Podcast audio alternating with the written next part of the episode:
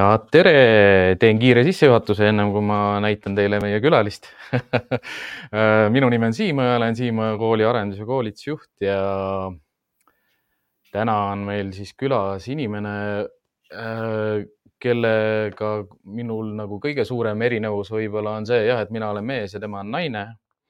Äh, mis mulle väga meeldib nagu selle tema puhul on see, et me oleme peaaegu ühevanused Äh, me mõlemad oleme koertega alustanud enam-vähem äh, samadel aastatel ja mida ma mõtlen koertega alustamist all, mõtlengi seda, et professionaalselt ehk siis me oleme mõlemad tööd teinud koertega. Ehk siis mul on koer, kellega koos ma teen tööd ja ma teen tööd ühiskonna ja avaliku noh, inimeste jaoks. Ja, ja noh, see on nii niisugune tore äratundmine, et mul, mul on, mul on, ma olen täiesti veendunud, et, et meil tuleb täna väga põnev osa, nii et ilma pikema jututa, tere tulemast, Kati tere äh, ja noh, küsimus, esimene küsimus, mis ma kõikidele äh, meie küla, külalistele esitan, on see, et ähm, kust sa tuled? Äh, kes sa oled ja kuhu sa oled minemas? okei, lühidalt peab ju vastama, kes ma olen, inimene inimene, kes, äh, kes teeb tänasel päeval, tegelikult juba mõned aastad, ma võin öelda, ma olen inimene, kes teeb äh, ainult seda, mida ma armastan. Ja mhm. tõesti, ma olen väga rahul. Ja kust ma tulen, oh, ma olen igal pool Eestimaa peal elanud ja ma olen eestlane ja ma arvan, ma jään ka selleks. Et sellele, selle loo vastan niimoodi okei okay,, ja, ja kuhu sa oled siis minemas, on sul äh, praegu mingeid selliseid äh, pikemaajalisi unistusi, visiooni, missiooni, mida sa täidad?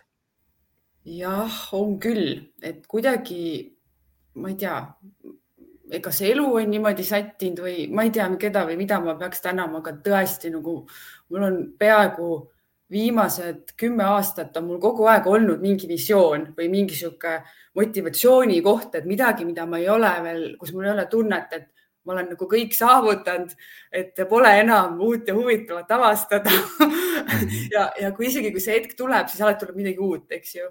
Et äh, praegu on äh, mul oma koertekooliga hästi huvitav äh, seoses selle raamatuga, eks see on niisugune mm -hmm. uus, mul tulevad uued koolitused, ma teen neid teistmoodi, et see on ja sa mõtled seda raamatut? seda ja, aga see ei ole veel kõik. Sellepärast, et mul on, vot seda ma võin küll öelda, et mul on terve elu olnud päris palju hobisid siis nagu töö mhm. kõrvalt ka et ma olen terve elu spordiga tegelenud, erinevate asjadega, peamiselt olen ma väga suur tantsufänn, erinevaid tantsustiile harrastanud.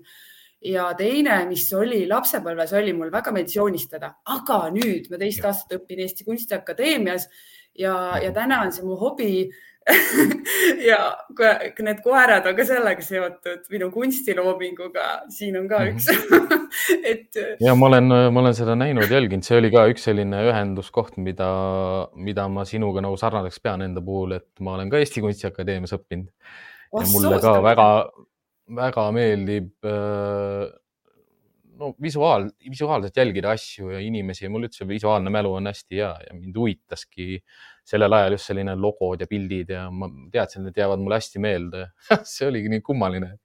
ma läksin sisseastumiseksamitel enam-vähem tunkedega, joonistasin mingid pildid valmis, käisin seal komisjoni eest ära ja siis noh, vist oli kakskümmend inimest kohale ja no kui mind võeti nagu vastu, siis noh ilmselgelt nad äh, tegelikult tunnevad ja tajuvad selliseid inimesi ära, kellel on seda sellist nagu nägemust ja vaatamust ja ja ega noh, oma kooli ja, ja tegemist ja sotsiaalmeediaga on ka seesama, ega ma ise ju teen kõik oma asjad kodulehtedest kuni kõikide asjadeni, et et äh, neid ühiseid jooni tuleb tänase osa jooksul meil, meil veel välja jah, aga vaata see kunstiline pool äh,, ma ise nagu, ma tahaks, et kui sa küsid, vaata, et kuhu sa lähed või see tulevikuvisioon, et ta on äh, ju tegelikult väga tugevalt ka seotud mu praeguse tööga, mida ma ka väga armastan, mis kasvas ka muuseas hobist ju välja äh,. koerte koolitamine, koerad laiemas tähenduses ja, ja siis veel laiemas tähenduses on üldsegi loodus ja Eestimaa, mis ma ka alguses välja tõin mm. -hmm. et äh, ma ise Äh, noh, praegu on hobina, aga ma arvan, et, et tõenäoliselt võib ka vabalt minna, et ühel hetkel on see lihtsalt üks niisugune lisaala sealjuures, sest ma tõesti väga naudin loomingulist tööd ja üldse nagu mitte, noh, ma ei ütlegi, et see on töö, eks ju, loomingulised tegevused mm, -hmm. et tantsimine mm -hmm. samamoodi, et väga äge. ja noh, selle loomingulisega mul tuligi praegu see meelde, et äh, jälle sellel nädalal ma, ma eksisin ühe oma reegli vastu kui ma sõidan nagu koduvisiidile, et, et ma ei hakkaks endale ette mõtlema nagu, mida ma hakkan tegema, mis on justkui see kava, mis nagu tuleb. sest noh, täiskasvanud koolitajana oled nii harjunud nagu, et, et koolitus on alati planeeritud ja korraldatud tegevus mis on nagu noh, sa mõtestad läbi selle, mida sa teed, kuidas sa tagasisidet küsid.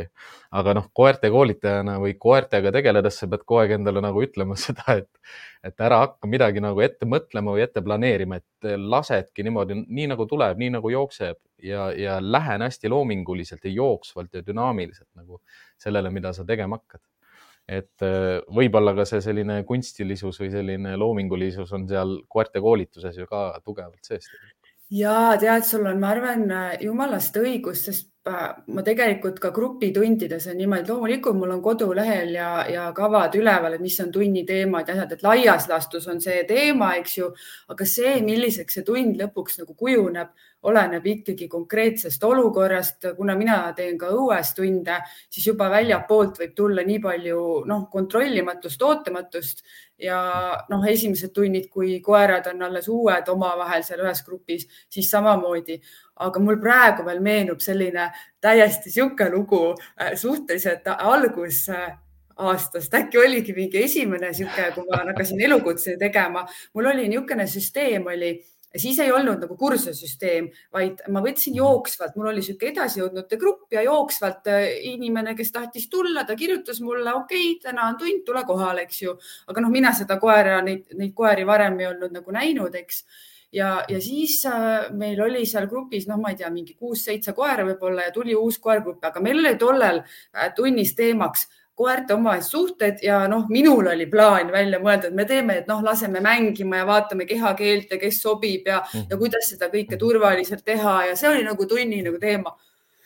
oli nii, et see uus koer tuli ja siis ta tõmbas kõik grupi nii käima seal, ta ei suutnud seal rahuneda, haukus ja tahtis palju haukuda ja no mina ütlesin, et teen kõik selleks, et mingit haukumist ei vaata ja nii, eks ju. aga no meil oli tükk tegemist sellega ja see õhkkond oli ikkagi selline, et ma pidin jooksvalt ümber otsustama, et nüüd täna on niimoodi, et täna me harjutame hoopis äh, kontrolli teiste koerte lähedal ja vaatame, äkki saame möödumist harjutada, aga mingit mängu me ei tee. Sest noh, see õhustik mulle meeldib ka see, mul tuli meelde kutsikakool, kui ma, kui ma vanglast ära tulin enam-vähem päevapealt, siis ma läksin alguses Pet Citysse gruumeriks ja, ja kuskil kahe nädala pärast kaupluse juhataja tuli, tuli, küsis mu käest, et Siim, sul on igav, mida sa teha tahad ma ütlesin, mul on projekt valmis juba, järgmine päev esitasin neile kutsikakooli äh, Pet City Akadeemia seda projekti ja hakkasin kutsikakoole tegema ja, ja tuligi meelde üks ka selliseid esimesi või teisi, teine grupp vist, kes mul alustas. noh, tegelikult mul oli iga nädalavahetus oli kolm gruppi. noh, see oligi siis järgmise, järgmine kolmene nädalavahetuse ports, noh siis ka ikkagi kiirabi nagu pidi kutsikakooli tundi tulema ah. ja noh, see oli, see oli viimane kord, kui ma võtsin vanemaid kui neljakuuseid koeri kutsikakooli. et noh, see, mida sa raamatus ka hästi selgitad, tegelikult me peame nad saama kätte varem. ja, ja sealt, sealt muutuski palju, ma pidin veterinaaridega pikalt läbi rääkima ja ma suutsin pinnida neilt niimoodi, et äh, kahe poole kuused kutsikat ma saan juba endale kutsikakooli. noh, desinfitseerime saali ära ja hoiame puhtust ja, ja teekond on neil kogu aeg sama ja nelja aasta jooksul ma mäletan ka seda, et, et ükski kutsikas küll haigeks ei jäänud Mm -hmm. et ma mäletan ühte juhust, kui ühel koeral oli kennelköha, kutsikal oli kennelköha, aga ta sai selle oma vanemalt koeralt. noh okay., kuna peres oli teine koer veel, siis ka ta haigestus ka, noh, kuna kennelköha ju levib nii kergesti ja lihtsalt piisknakkus. et, et head sellised õppetunnid tegelikult, mis elu, elu annabki, aga noh, sa peadki tegutsema seal valdkonnas. et see ongi see see, mida ma pean hästi oluliseks, kui inimesed hakkavad professionaliseeruma, et ega sa ei saa professionaali, professionaaliks niimoodi, et sa lihtsalt lähed õpid ja, ja saad targemaks ja, ja, ja oled ühe koera KK1 ja KK2, no okei okay,, noh, KK1 ja KK2 ära teinud, on ju, nüüd justkui mina võin nüüd teisi ka koolitama hakata, et noh, päris nii lihtne see ei ole, sest see dünaamika, mis on nendes kõikides grupiprotsessides ja koertes olemas ja, ja see, et äh, ühtegi samasugust koera pole olemas on -hmm. nagu nii värvikas ja nii äge maailm nagu, kuhu tegelikult sattuda. ja ma tean, et sina sattusid äh, ma mõtlengi, et ma küsin sellise, teeks kuidagi niimoodi, et äh, küsime kordamööda. Mina. ma saan sinu käest ka küsida jah, mina, mina küsin sinu käest ja siis sina küsid minu käest. ma küsiksin su käest, ma alg-, kõigepealt seletan ähm,. kui sa, sa õppisid psühholoogiat ja su lõputöö teema oli seotud loomateraapiaga ma ka töötasin sa... viis aastat yeah, yeah. ma mõtlengi seda, et kas sa juba töötasid ennem laste ja loomadega, kui sa läksid psühholoogiat õppima või, või see kasvas ja. kuidagi seal õppimise kõrvalt välja? ei töötanud äh, ennem ja mul ei olnud isegi koera. no see mm. lapsepõlve värk, see ei lähe arvesse, eks ju. et äh, ma mina käisin üldse, minu lugu selle kooliga, mul ei ole elus tegelikult väga midagi nii lihtsasti tulnud, et korralikult olen pidanud nagu tööd asjade nimel tegema, aga no mulle meeldib, vaata, siis sa hindad ka rohkem, eks ju mm. -hmm. et selle psühholoogiaga oli üldse nii, ma olin suht, ma ju tükk aega tagasi juba lõpetasin, suht noor, aga mul oli tollel hetkel, kui ma plaanisin, tahtsin ülikooli minna mul lihtsalt oli noore inimesena, noh, täna on juba ajad teised, eks, aga tollel ajal veel oli ikkagi see, et sa vana, ei ole just.... vana nagu sa oled ei, no ma võin öelda, ma just sain nelikümmend kolm. aga noh, see, millest me praegu räägime, lähme ikkagi kakskümmend aastat tagasi ja kakskümmend aastat ja, ja. on päris pikk aeg, onju. ja, ja tollel ajal oli niiviisi, et kui sul ülikooli haridust ei ole, siis sa justkui pole nagu õige inimene, onju et täna on hoopis teine, täna pigem täiendkoolitus, elukestev õpe, praktilised igasugused mhm. workshop'id. Mhm. sul noh, ma ei tea, ma olen kuulnud, et tööandjad nii väga ei vaatagi, et mis kraad sul on, vaid vaadatakse isikuomadusi. Äh, noh, hoopis no. nagu on tegelikult laiemaks läinud ja, ja minule nagu väga meeldib tegelikult see suund, kus me läinud oleme, aga minu lugu oli ikkagi see, et ma tahtsin endale ülikooli haridust saada ja siis ainus mhm. mõeldav asi oligi psühholoogia et vaata see, et kust see tuleb, ega seda ma ka ei oska nagu öelda, ma tean, et seda, et ma reaalainetes olen olnud terve elu väga kehva, ma olin spordis andekas. Kunst tuli koolis vähemalt kooli tasemel, ma ei ütle, et ma praegu mingi mega hea olen, onju. ei, väga-väga noh, tegelikult mina vaatan niimoodi, et kui pikkeid tõmbeid suudab üks inimene nagu tõmmata, et joonistada, et sa oled, sa oled andekas okei, no aitäh sulle, aga ja ma läksin ja kuna ma pidin ka tööl käima, äh, ma olin ikkagi noor inimene, kes oli kodust nii-öelda välja kolinud, ma käisin tööl ja minu see tolleaegne töökoht oli selline, kus siis Äh, noh, see on selles mõttes ka nagu põnev lugu, et äh, tagantjärgi mõtlesin, et, et kust nagu inimestel mingid hoiakud tulevad. et minu tolleaegne tööandja oli väga edukas ettevõte, oli see, ma jätan praegu nimed nimetamata, see oli tõesti väga mhm. ammu, see ettevõte tegutseb praegu ka, kes on hoopis teised omanikud. Äh, tolle aeg, tema oli nagu põlve otsas ise üheksakümnendatel alustanud, tal endal ei olnud ülikooli haridust ja ma väga tahtsin minna Tallinna Ülikooli psühholoogiat õppima, mul oli see huvi oli juba varem olemas ja no lihtsalt ei olnud võimalik äh, kaugõppesse päeva, sest kaugõpet ei olnud siis vist oli, mingi selline jama oli, et mul ei olnud siin mõtet üritada mhm. sinna ja, ja tööandja ütles, et ei ole töö juures sina ühtegi minutit ära olla ei tohi. ta ei toetanud minu ülikooli õpinguid, kuigi mu töökoormus oleks tegelikult seda võimaldanud ja mul jäi tõesti ainus variant äh, minna siis erakooli, eraülikooli, kus mm. õpe toimus nädalavahetuseti niimoodi, et ma õppisin mm viis aastat äh,, kaks nädalavahetust äh, hommikust. viis aastat? viis aastat ja maksin täiega hullult palju yeah. pappi selle eest veel aga ma tahtsin seda saada ja tead, mis mind nagu motiveeris või, et äh, noh, ma oma raha eest tegin, okei okay,, õppelaen oli ka abiks, eks ju, tegelikult mm. -hmm aga, aga see, ma selle ülikooli õpingute suhteliselt esimeste aastate jooksul kindlalt oli see, ma avastasin selle loomateraapia ja mul omal ei olnud ühtegi looma Mhm. tollel hetkel. Äh, ma elasin üürikorteris alguses, Tallinnasse äsja kolinud ja ei olnud võimalik. Ja ma kuidagi nägin sellist saksa seriaali nagu Komissar Rex, hästi see raamatus ka kirjutatud. Ja seal oli see osa, kus see komissar Rex, see koer viidi väärkasutatud, väärkoheldud, siis seksuaalselt väärkoheldud lapse juurde. ta ei võtnud kontakti ühegi inimesega ja siis selle koeraga sai ta kontakti ja minul oli kohe vau äratundmine, sest minul on lapsest saati need loomad nii olulised olnud, onju. ja siis mõtlesin, oh, nii lahe. Ja siis hakkasin uurima seda ja see nagu ka kandis mind, et, et mul oli nii tohutu sisemine mingi sihuke põlemine või motivatsioon, et see teema mind nii huvitas. Ja kõik äh, koolitööd, mida vähegi sai, mis kodus anti teha ja kaasa arvatud lõputöö, kõik ma tegin sellel teemal, noh siis oli veel päris vähe neid uuringuid tehtud, aga no ma igalt poolt, ma kirjutasin ju autoritele kuskile Kanadasse ja USA-sse ja osad mm. ei vastanud, osad vastasid mm. -hmm.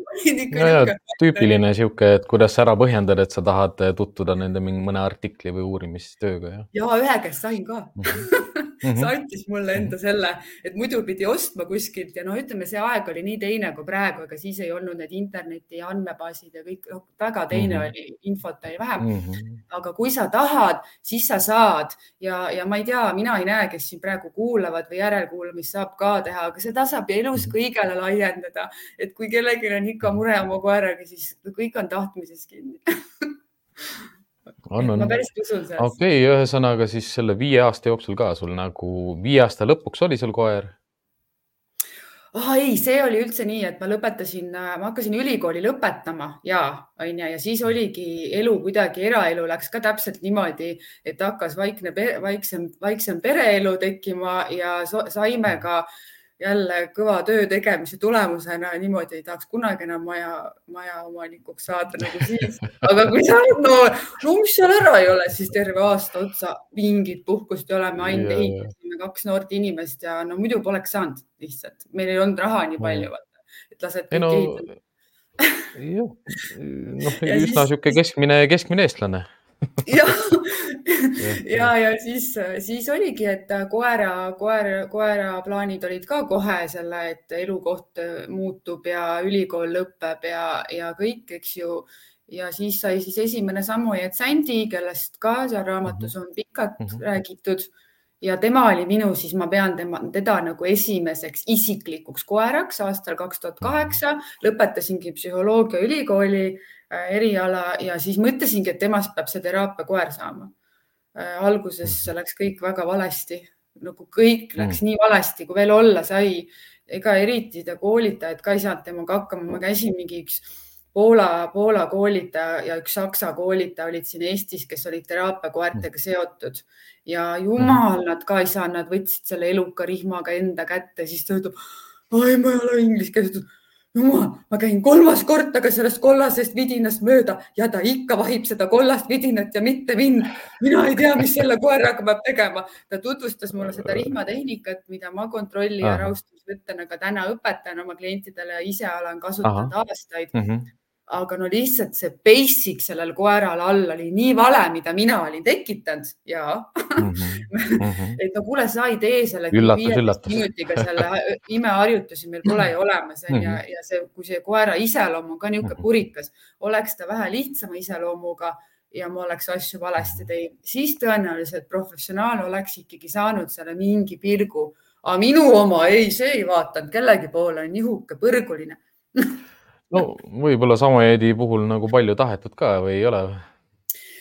noh, ja see on mu isiklik arvamus, et Samojed ei tohiks -hmm. sellise iseloomuga olla, aga väga -hmm. paljud on jah, sul on õigus. aretus teeb tänapäeval oma, oma töö. minu arust ta võikski selline olla ja peakski selline olema. noh, Samojed Husky. teema yeah.. Mm -hmm. et see on, see on, see on jälle omaette nagu suur teema mm, -hmm. et äh, kuna Põhjamaa koertega ja algupäraste Põhjamaa koertega mul, ma arvan, on ikkagi päris suur pagas. mul oli ka Jakuudi laika vahepeal, praegu mul on see Neenetsi porokoer mm -hmm. ja mida vähem rikkumata, seda rohkem on inimesega seotud et see mina ei ole nõus sellega, et Samojeedi koer, kes on tegelikult Neenetsi porokoera järglane. jah see väike must murjam, neid on igat värvi seal praegu Siberis, eks ju.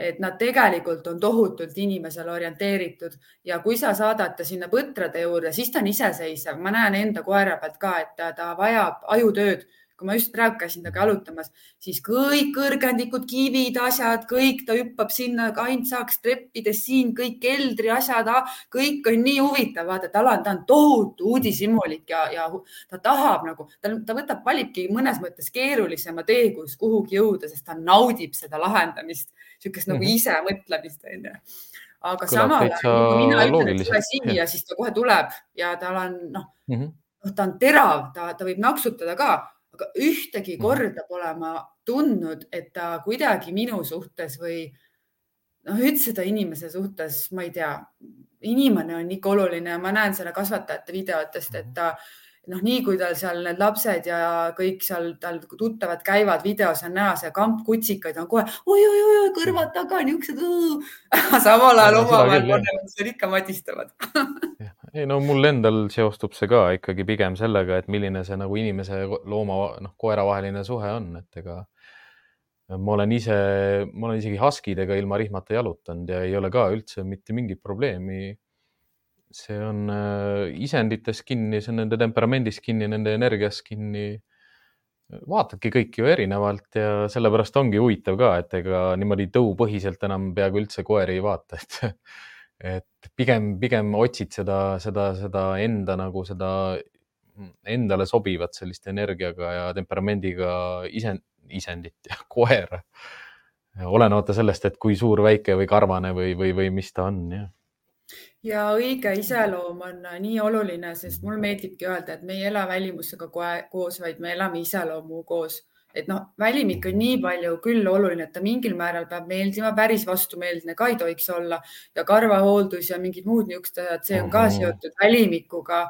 aga, aga nagu lõpuks ikkagi noh, tuleb minu meelest rohkem pöörata just selle iseloomule. ma, võin tõesti praegu öelda seda, et mul on esimest korda elus, mul on, mul on päriselt see väike, mul on esimest korda elus väike koer, kümme kilo, mhm. aga no ta on nii mobiilne ja aktiivne, et temaga võid Mhm. nädalaks matkale minna, ta isegi, ta teeb mul vedu isegi tõmbab küll -hmm. aga ma tõesti, ma tahan öelda seda, et ma tõesti esimest korda elus nagu tunnen ka seda, et ta nii naljakas, see mingi väike nirk, kes justkui polegi tõsiseltvõetav koer on ju mingile koolitajale siin, aga ma, tahad aru, ma tõesti tunnen, ma olen nii õige loomaga kokku saanud, meil on nagu, nagu mm -hmm noh, ta täpselt minu elustiiliga, kus ma täna olen, ta, talle sobib see kõik, mis ma teen ja, ja mulle sobib temaga käia ja meil on nii tore koos ja mm, -hmm. ja seda on nagu. no juba, juba see on nii oluline, et, et sa niimoodi, niimoodi räägid, sest see sisetunne ju mõjutab teievahelist äh, suhet ka ju väga tugevalt.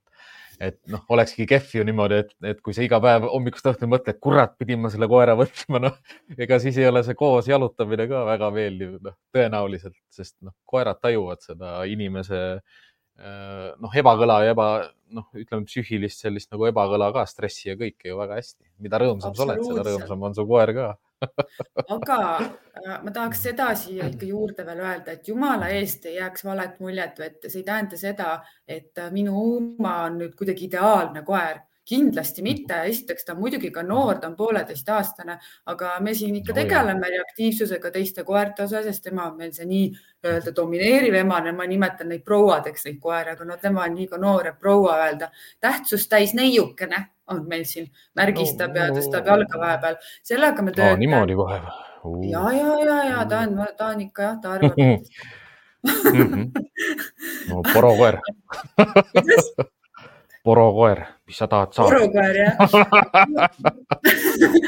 poro, poro, tead, see porokoer tuleb äh, lihtsalt äh, Eesti kennelliik millegipärast tõlkis äh, Neenet Sharding Laika tõu standardi niimoodi, et ta pani Neenetsi porokoer. Mm -hmm. ma ei tea, miks ja ma olen sellepärast võtnud kasutusele, et kuna nemad selle panid, et noh, ikkagi see standard on tõlgitud, et ta ei ole noh, selles mõttes ühest küljest on ta murjam, sest ta on tõesti sealt Siberist on ja noh, ma arvan, originaalsemat tõugu on, võib-olla on siin Eestis ilmselt tuuakse täna igalt poolt ka mm. mõni veel, aga ma olen uhke, et ta mul nüüd on aga ma ei tea, miks see on tõlgitud niimoodi, sest poro on ju soomekeelne sõna, eks ju, siis mhm. põhjapõdrast. ütleme, õige oleks siis öelda äh, eesti keeles Neenetsi põhjapõdrakoer, see oleks nagu otse. ma ise mõtlen ka, et ta võiks olla nagu Neenetsi laika või?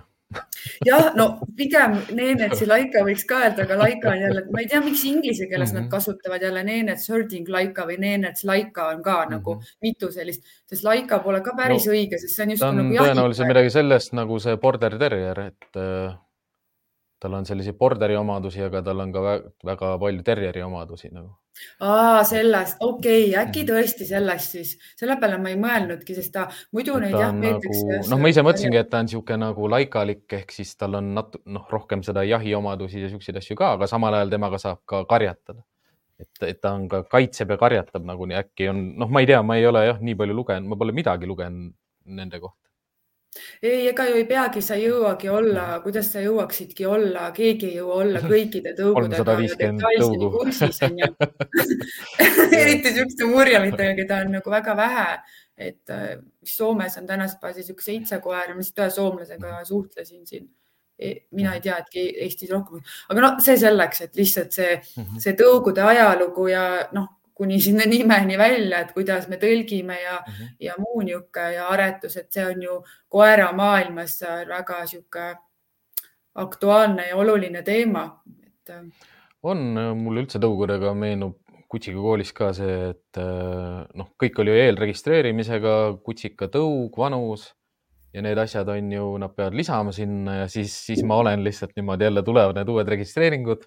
esimene asi Google ja siis otsid seda tõugu, et milline see välja näeb sest noh, nii, nii ekstravagantseid ja väga selliseid eksootilisi tõuge käib Kutsika koolist läbi, et täitsa noh, müstikaga lõpuks sa saad ikkagi noh, kuna ma tulin ju avalikust sektorist ja, ja minu koerad olid äh, saksa lambakoerad, Belgia lambakoerad, mõned spanjalid, paar üksikut retriiverit ja noh, kõik.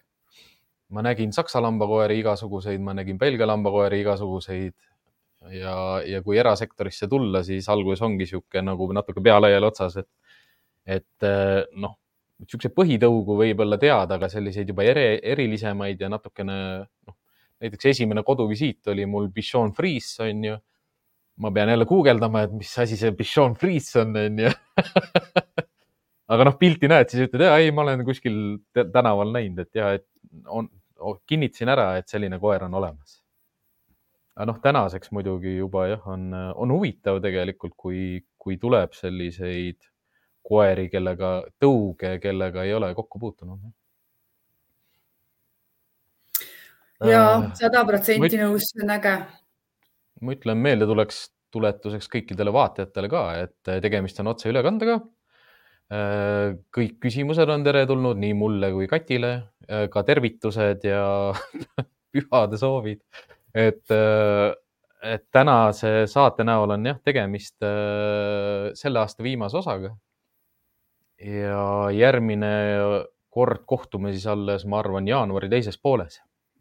et lihtsalt infoks selliseks vahepeal aga Kati, on, on sul mulle mõni küsimus? on sul mõni ja, mõte? oleks palju küsimusi, aga, aga kuna noh, meil oli siin ka välja hõigatud, et aasta kokkuvõtted ja, ja just mm -hmm. koeramaailmas, eks ju, siis äh, kaks tuhat kakskümmend kolm saabki kohe läbi ja kahjuks on ka juhtunud päris mitmeid äh, noh, kuidas siis öelda mitte noh, ma ei taha isegi, see tegelikult Tra ei ole. traagilisi sündmusi. traagilisi, väga sündmusi. kurbasid mm -hmm. nagu noh, nii koerte kui inimeste kontekstis mm -hmm. ja noh, samas ikkagi ka nagu noh, kurvaks tegev just nagu mitmes võtmes. ma tahakski sinu käest nagu küsida seda, et mida sina nagu arvad, et äh, miks niisugused asjad juhtuvad äh,? miks see just sellel aastal võib-olla või kas see on juhus äh,? Või, ja mis oleks sinu arvatus, arvates, et mis need nagu, kuhu me peaks mm nagu liikuma? ma mõtlen ühiskonnana, koolitajad, koeraomanikud.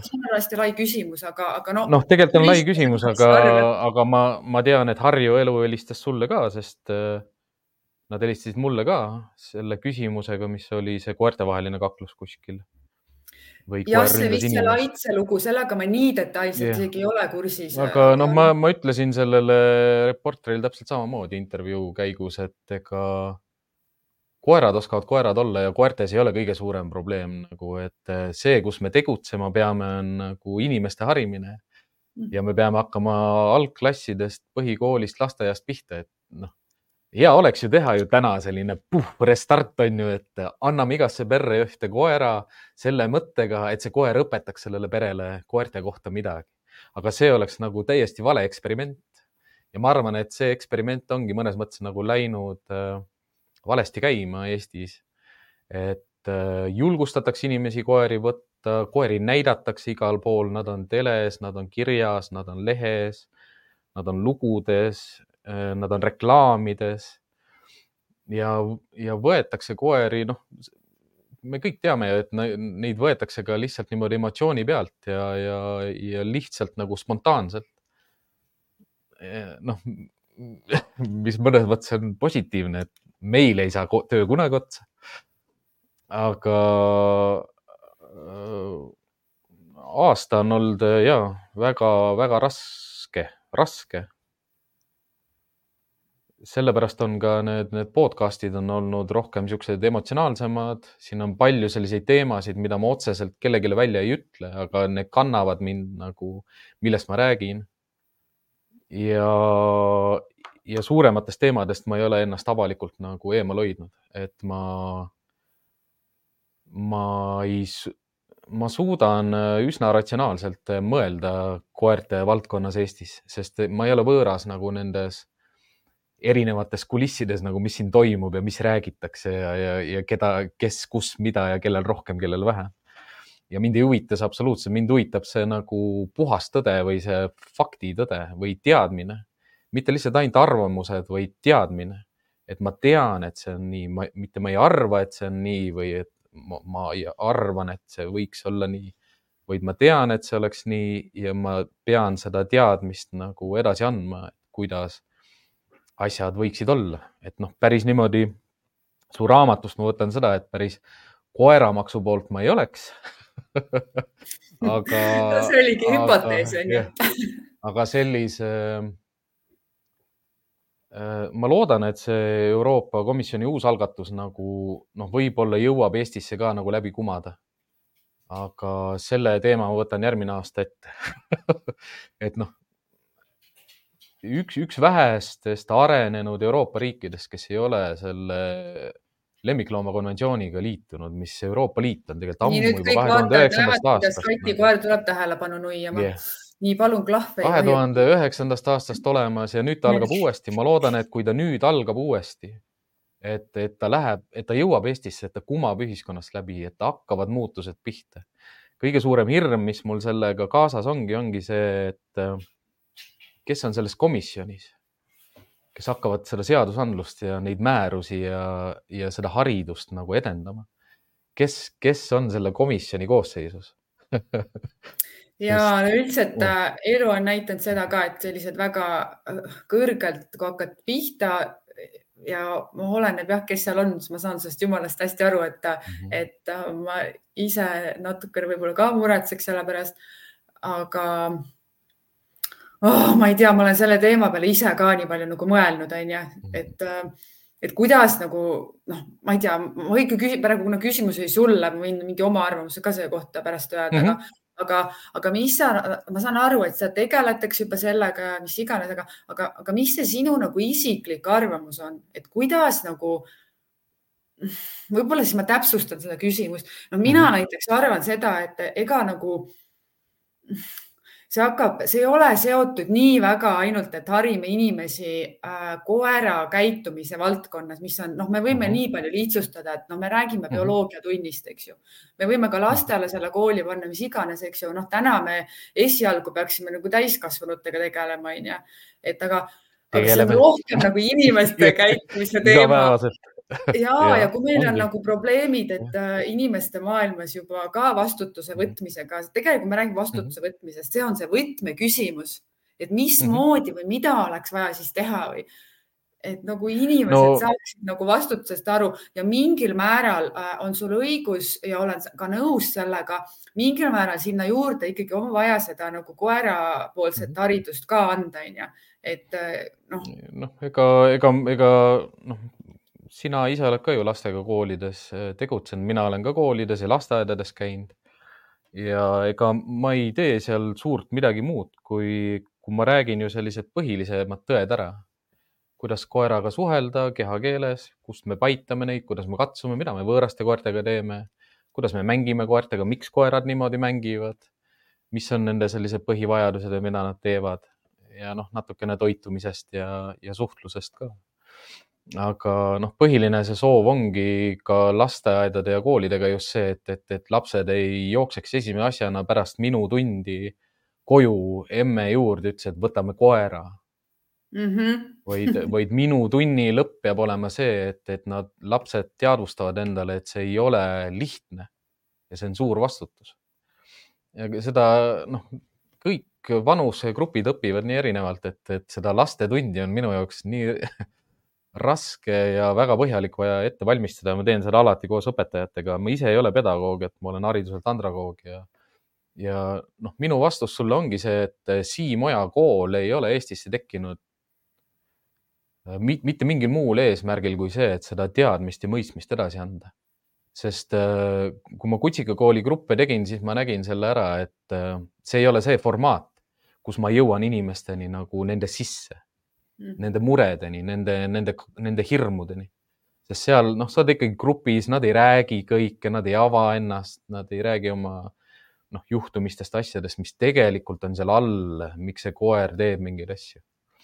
ja need individuaalkoolitused viisidki rohkem nagu sinna jah kus ma täna olen, kus ma praegu olen, mida ma praegu teen ja mu kooli nimi ongi ju Siim Oja kool mitte, mitte koerte kool, mitte koerte treener, mitte koerte koolitaja.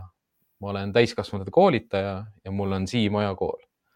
ma ei koolita koeri, koerad oskavad koerad olla, ma õpetan inimesi mm. -hmm noh, ma arvan, et enamus vist, ma ei, ma ei julge öelda kõik, aga ma arvan vähemalt, keda, kellega ma lähedalt olen kokku puutunud, siis nad on samal arvamusel, hoolimata, mis yeah. kooli nimi on, et tegelikult yeah. me, me töötame inimestega ja minule näiteks ka väga paljud koeraomanikud on ise öelnud eh, kursuse lõpus mhm. ka baaskursuse, mis on no, niinimetatud kutsiga koole algajate kursus et äh, ta ütleb juba selle kursuse lõpus, et ai, tegelikult see on mul, oli minule nagu vajalik mm. -hmm. siis ma ütlen neile jah, et, et. täpselt nii sa said õigesti aru ei, mul on ka seda palju minul on niimoodi, et mul on kolmanda taseme kursusel juba pooled harjutused on inimese jaoks, kuidas ennast mm -hmm. rahustada ja mingid sellised asjad ka, sest noh, seal juba me tegelemegi selle poolega ka mm. -hmm et noh, kümne tunniks. ühtegi, mul ei olnud ühtegi tundi inimestele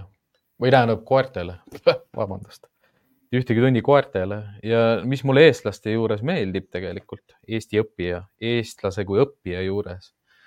Äh, noh, natukene ka see, kuidas nad on äh, õpetatud üldharidussüsteemis nagu õppima, on see, et äh, kõige suurema tänu sa saadki viimases tunnis. niisugused inimesed, kes ei ole ennast avanud nagu üheksal kohtumisel seal kümnendal kohtumisel, kõige viimases tunnis, kui nad saavad sinuga eraldi koos olla, siis tulevad nii südamlikud nagu tänud, kingitusi tuuakse ja siis mõtled, et kus sa nagu olid kus sa terve selle kursuse olid nagu? sa oled nii ilus ja, ja tore inimene ja, ja sa nüüd avad ennast alles ja nüüd, aga noh, ikkagi sihuke mõnus. Äh, see mulle meeldib grupikoolituste puhul, aga, aga sellega ma nägin ära ka seda, et, et, et isegi kui ma väga-väga tahan ja ma olen võimalikult aktiivsete õppemeetoditega tunnist tundi, siis ma ikka ei saa kõiki kätte, aga minu eesmärk on kõik kätte saada. sellepärast see. sul on suured eesmärgid sellepärast see kutsikakool, kutsikakool lõppes, kutsikakool lõppes päevapealt ära ja, ja formaat muutus, et siin ei olnud jah küsimust aga ma võtan äh, siia vahele Kairi küsimuse, et ta, teda huvitaski just see, et, et äh, kuna meie mõlema käest ka küsiti ja me tegelikult kommentaare andsime sellele juhtumile, et, et mida siis teha kaitseks, kui tulevad äh, jooksuga vastu suured agressiivsed koerad?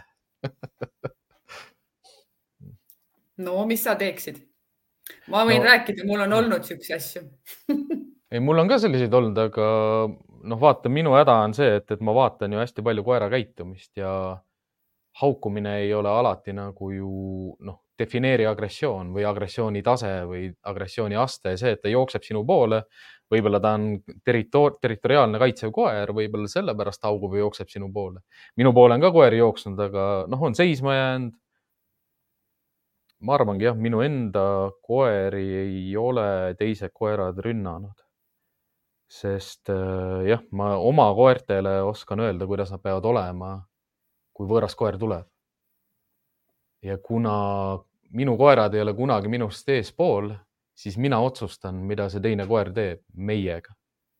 Aa, ükskord oli küll, päris hirmus oli ma käisin seal Husky pargis äh, Heller Country's ja ma läksin koeraga jalutama enne, kui ma, kui ma sisse lähen parki ja koerad läksid nii pöördesse, et nad lõhkusid aia ära ja terve see kari neid kelgukoeri jooksis meie poole.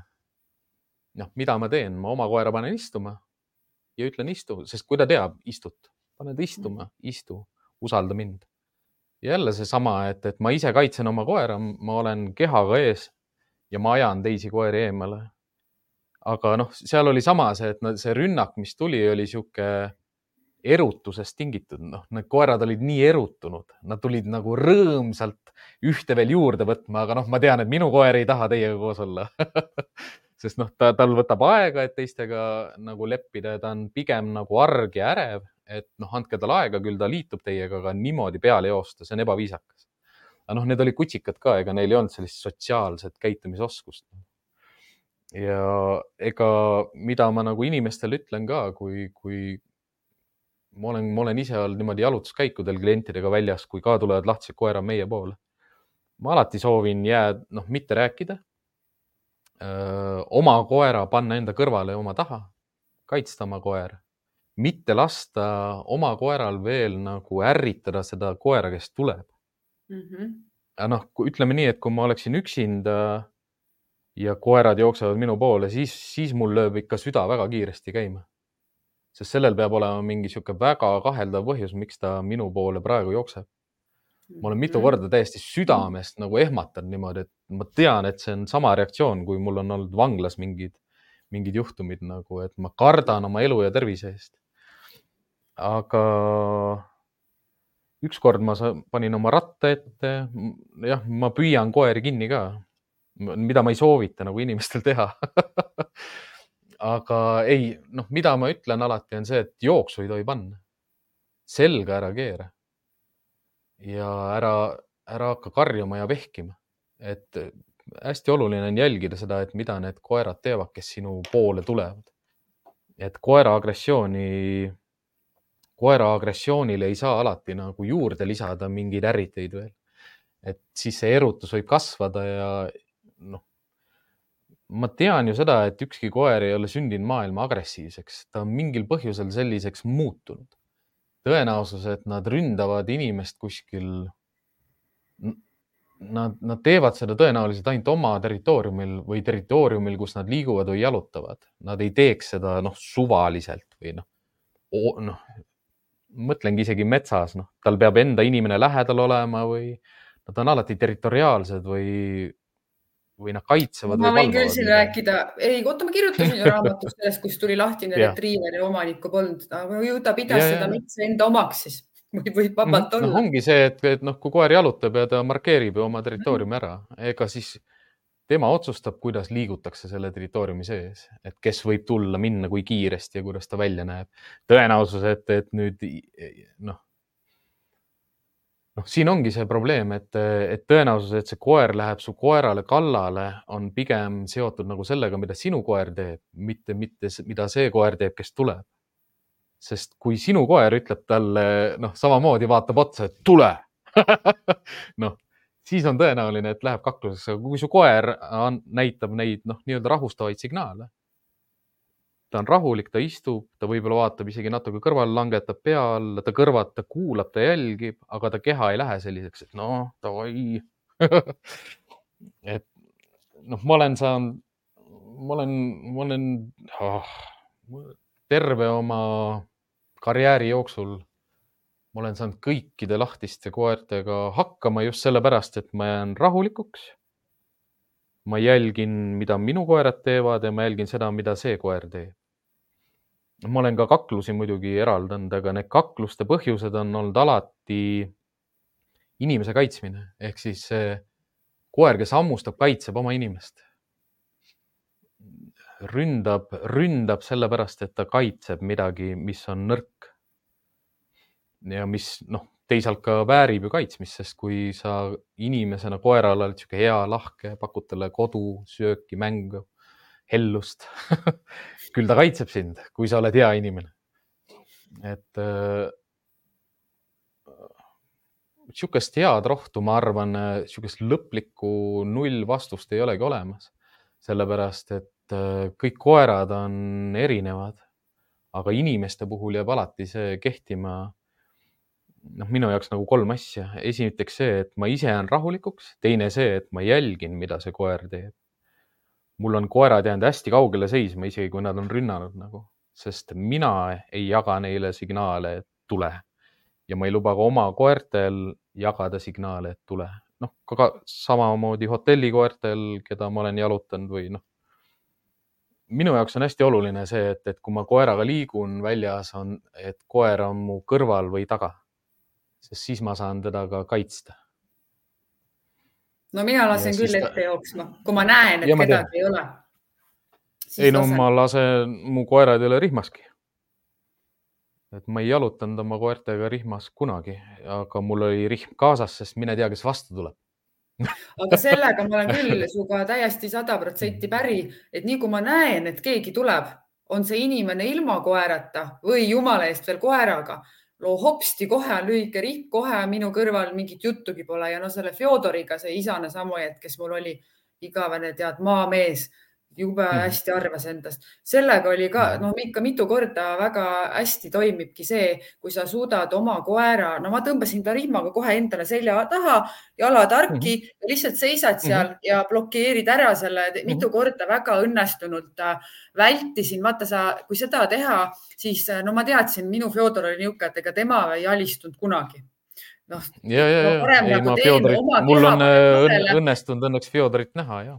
jah no, laivis ma võin temast siin veel rääkida, mis mhm. puudutab neid rünnakuid yeah., ma tegelikult sain ta treeninguga isegi nagu päris heasse lõppkohta lõpuks, aga mhm. see see, ühesõnaga siis ei ole, mis see point on asjal, on see, et äh, et võimalikult, kui, kui on võimalik, kõik tuleks teha selleks, et su oma koer ei annaks signaale sellele teisele koerale ja see on ka õige, mida Siim räägib, et alati kõik koeraga liiklejad on lahtiste potentsiaalselt ohtlike koerte mm -hmm. suuremad sihtmärgid kui see, kui sa jalutad ilma koerata. Neid lugusid ikkagi tegelikult on palju vähem.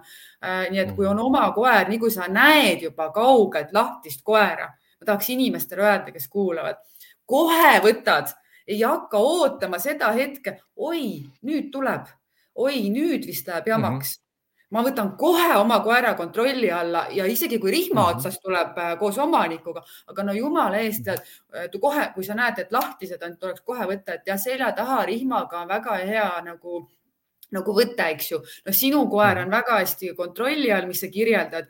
Äh, noh, mhm. enamus inimestel vast seda ei olegi võimalik teha, nende koerad ei ole nii hästi koolitatud, et siis lihtsalt rihma otsas ja hoiad teda selja, noh, ma ei saa siin kaameras näidata, ma tegelikult, ma mäletan, et ma olen isegi mõnes tunnis äh, osadele koeraomanikele, nagu me oleme rääkinud sellest, kui on küsitud mm, -hmm. et selja taha võtad, et väldid ja mida siis ise ma olen ka vältinud seda silmkontakti, kui on olnud ikkagi ohtlik koer nagu noh, mulle ka. no täitsa mm -hmm. lõpp, ma võin öelda teile, ma olen olnud kolm lahtist liibeti mastifi tulevad mm. -hmm. ma olen Fjodoriga, kes pole mingi papist poiss, sa ei tea alguses, kas need on emased või isased ja Nõmmel tuleb yeah. niimoodi, vaatab yeah. oh,, mida nagu mm, -hmm. mis ma seal tegin, ma ei jõudnud midagi muud teha, ma lihtsalt surusin oma isase koera, mul auto oli seal enda ja auto vahele, jälle niimoodi ma mhm. blokkisin ära, vaata, et ta ei saaks mm. -hmm ja ise mm -hmm. siis niimoodi silmanurgast jälgisin, nad tulid sinna nuusutama. noh, tuli hiljem mm -hmm. välja, et olid emased koerad, jumal mm, -hmm. mul on olnud ka viis lahtist Tiibeti mastiffi, niimoodi nad tulid mu koduaia yeah. juurde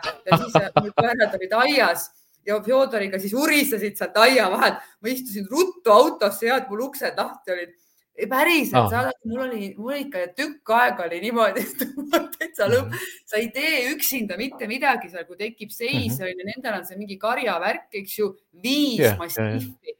noh, ja sa oled see on, üksinda. see on äge tegelikult jah. lõpp no. no see karjaga läheks ju täitsa hullumajaks jah, kui seal juba ründeks läheks. no need oleks no, murdnud nende... minu koerad seal maha, mind ka võib-olla, eks ju, mis need kaks mäletan seda malamuutidega ka, et noh, ega, ega mu koer ei jäänud nagu selles osas võlgu, eks ta ikka urises ja noh, nii hirmust kui ebakindlusest kui suhtles nendega, aga terve see aeg ta nagu istus ja tegeles. no see on no, muidugi väga keeruline koerale niisugune olukord. oo oh, ja ei muidugi, ega see sellised olukorrad ongi rasked, mis, mis minu jaoks on oluline ja mida inimesed ka kõik peaksid teadma, ongi oluline see, et, et see olukord võib ju raske olla, palju tähtsam on see, mis pärast seda saab. noh, et sa ei hakka seal oi-oi-oi ai-ai-ai ja mida veel, vaid noh, ongi see, et Helle kutsus oma kutsikad tagasi, pani aia püsti, noh, ma läksin, tegin oma jalutuse lõpuni. ega ma ei hakka oma koeraga rääkima seal, oi kurat, meil täna vedas aga laias laastus äh, see küsimus, mis mhm. oli, et äh, noh, me praegu vaata mõlemad sinuga oleme andnud äh, selliseid soovitusi, et pigem nagu mhm. kuidas, kuidas alistuda, kuidas anda neid signaale, et me ei ole sulle ohtlikud või teile, kui neid koeri on mitu, eks ju mm. -hmm aga noh, mina ise, ma saan öelda nüüd nii, ma räägingi nüüd nii, et see on see, mida mina olen teinud, aga ma annan, noh, vähemalt mina, kuidas ma näen asja enda poolt, see niisuguse nagu valemi ka, mille järgi inimene saab otsustada. tavaliselt mina olen ikkagi teinud niimoodi, et ma kas alistun või ma kaklen ja mõlemat on tulnud mm -hmm. piisav arv mhm. kordi ette. kui mul tulevad ikkagi, tuleb selline koer, mhm. kes, kelle puhul noh, tavaliselt need on suured koerad olnud ja ma vaatan natukene tõugu ka, et retriiveriga ma mhm. kaklen küll, ei ole nagu küsimust, onju. aga pagan, Jaapani Akita, äh, kolm lahtist imestimasti ükskord tuli kaks lahtist Dobermanni ka aga need läksid tagasi kohe kohe omanik kutsus, aga see lõpuks ei, ei läinudki nagu üldse isegi potentsiaalselt ohtlikuks ja läinud. et sellistega ma teen nii, nagu sina soovitasid ja nagu ma ise ka rääkisin, aga kui on tulnud äh, ikkagi väiksemad koerad, seal no on olnud igast Jack Russelleid, Fox Terriereid, väga palju on terriereid mhm. olnud ja noh, me teame, terrieritel võib tekkida küllaltki kergesti agressiivne käitumine. saabki minna ja, ja väga kergesti. Mm -hmm no mm -hmm. Mina, mina ei karda neid ja ma tean, et ma füüsiliselt äh, jaksan neid äh, nii-öelda ja, ja kahjuks see ei näe ilus välja. ma ütlen kohe mhm. see veel kord, ma üldse ei taha seda teha. ma ei taha ja jällegi vaata, ma olen naine. kes, kes tahaks?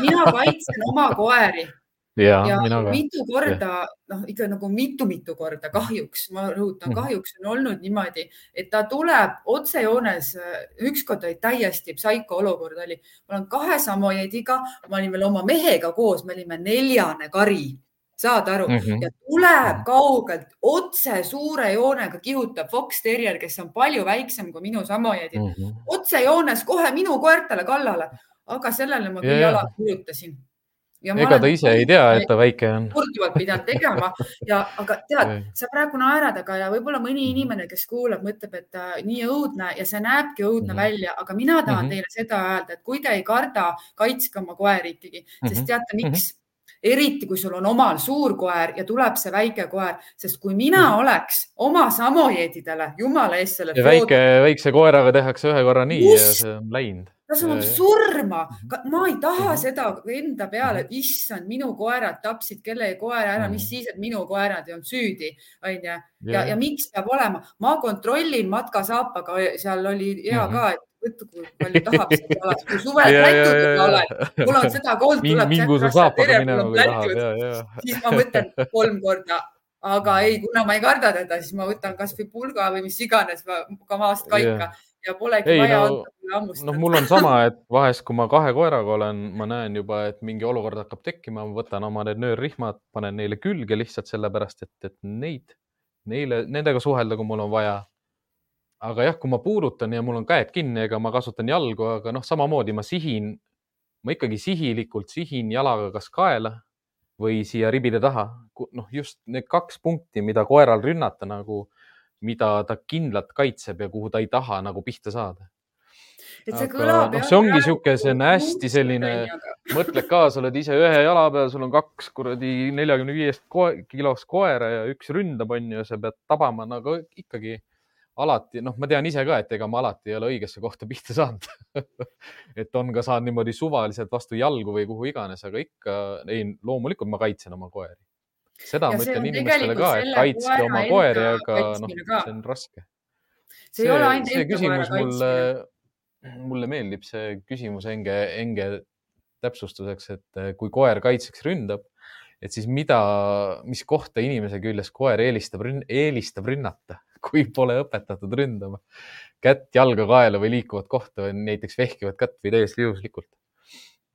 et eh, noh, kõik koerad lähevad liikumise peale saaki. No hea on, mida tugevam saagiinstinkt tal on, seda parem on. ma olen ise metsaharjutusel pidanud teenistuskoerale haarde andma niimoodi, et mul ei olnud kaitsevarustust, sest kuna, kuna ta saadeti rünnakule, aga mina andsin samal ajal käsklusi, siis ta rünn, otsustas mind rünnata aga noh, teenistuskoeraga on jällegi hea see, et jah, me teame, et nad lähevad selle peale, mis liigub. ja siis ma mõtlesin, et kumba käe ma talle annan otsustasin, et annan talle vasaku käe, et sellega ma ei lase ja ei kirjuta.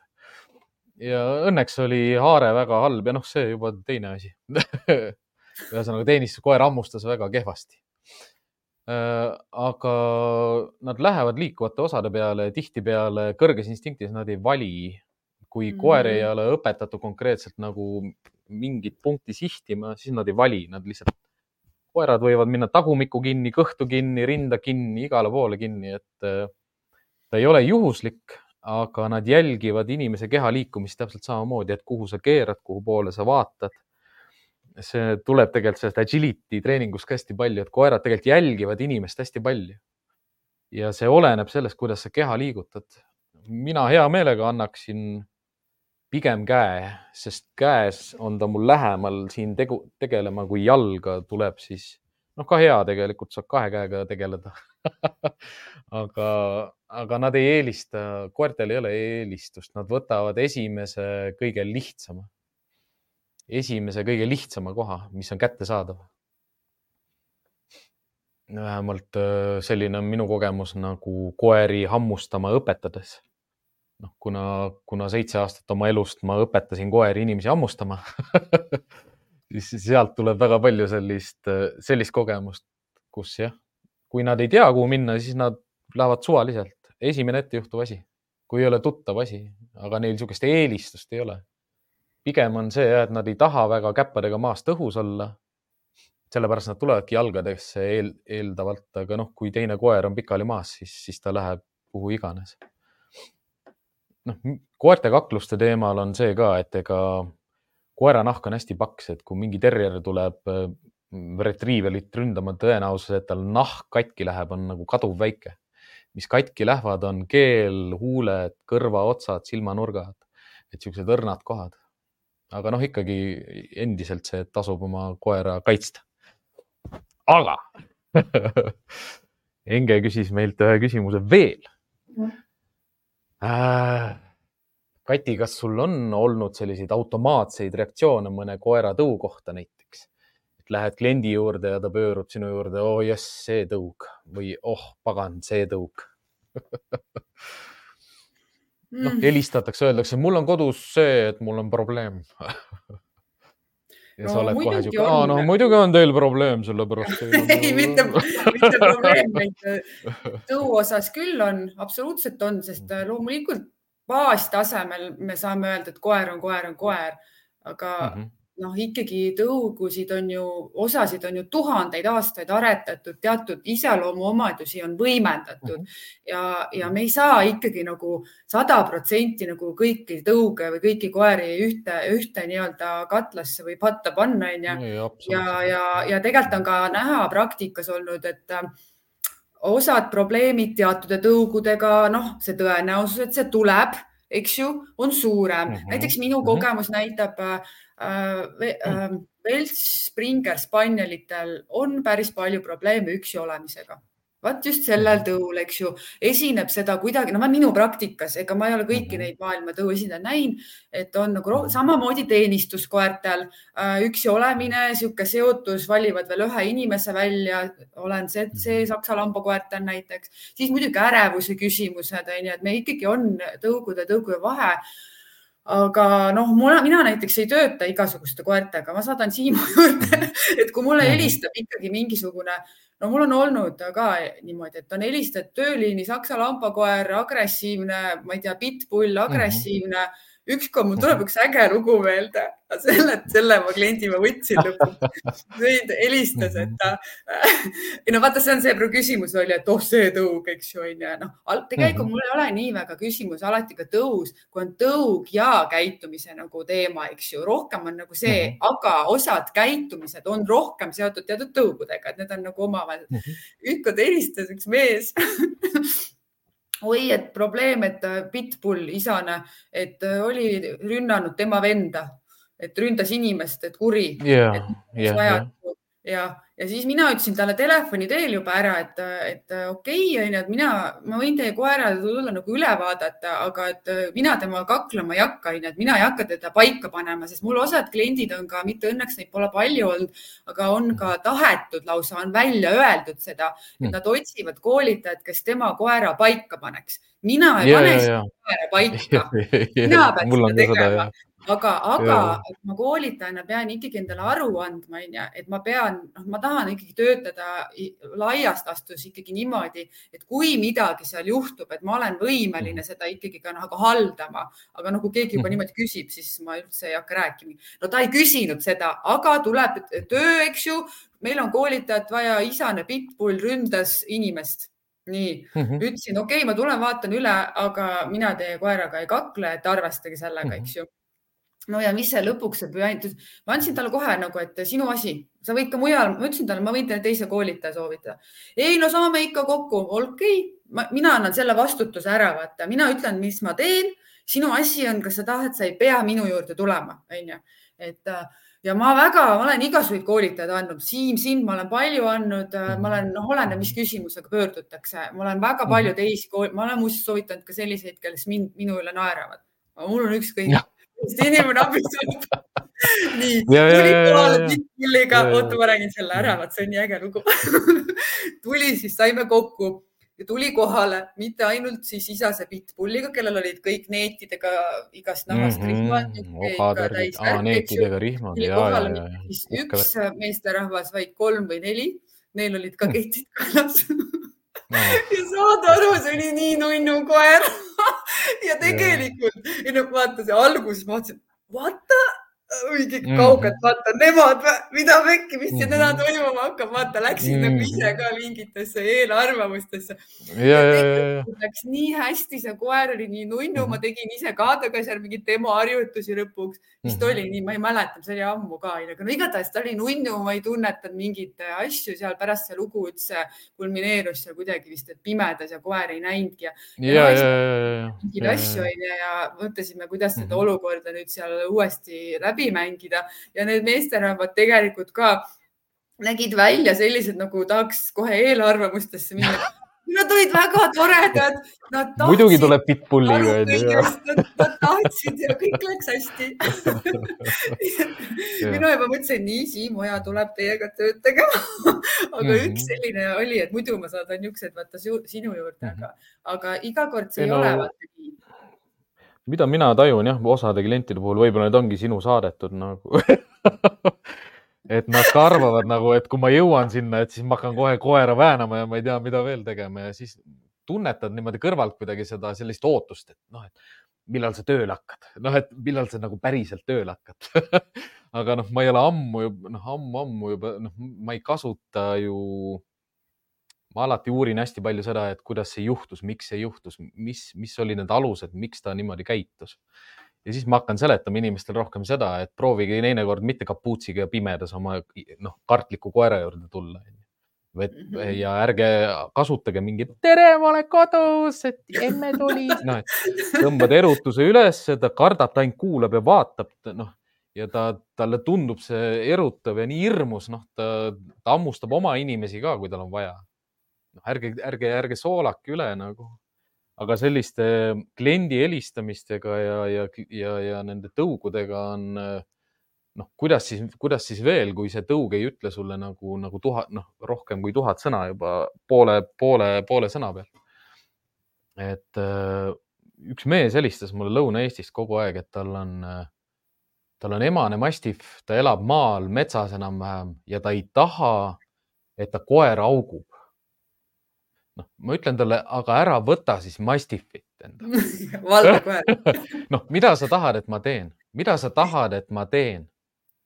tulen elektrikarjusega sinna, annan talle voolu, peksan temaga kaikaga või noh, ta on mastiff, ta kaitseb, ta haugub, kui tal on vaja rääkida.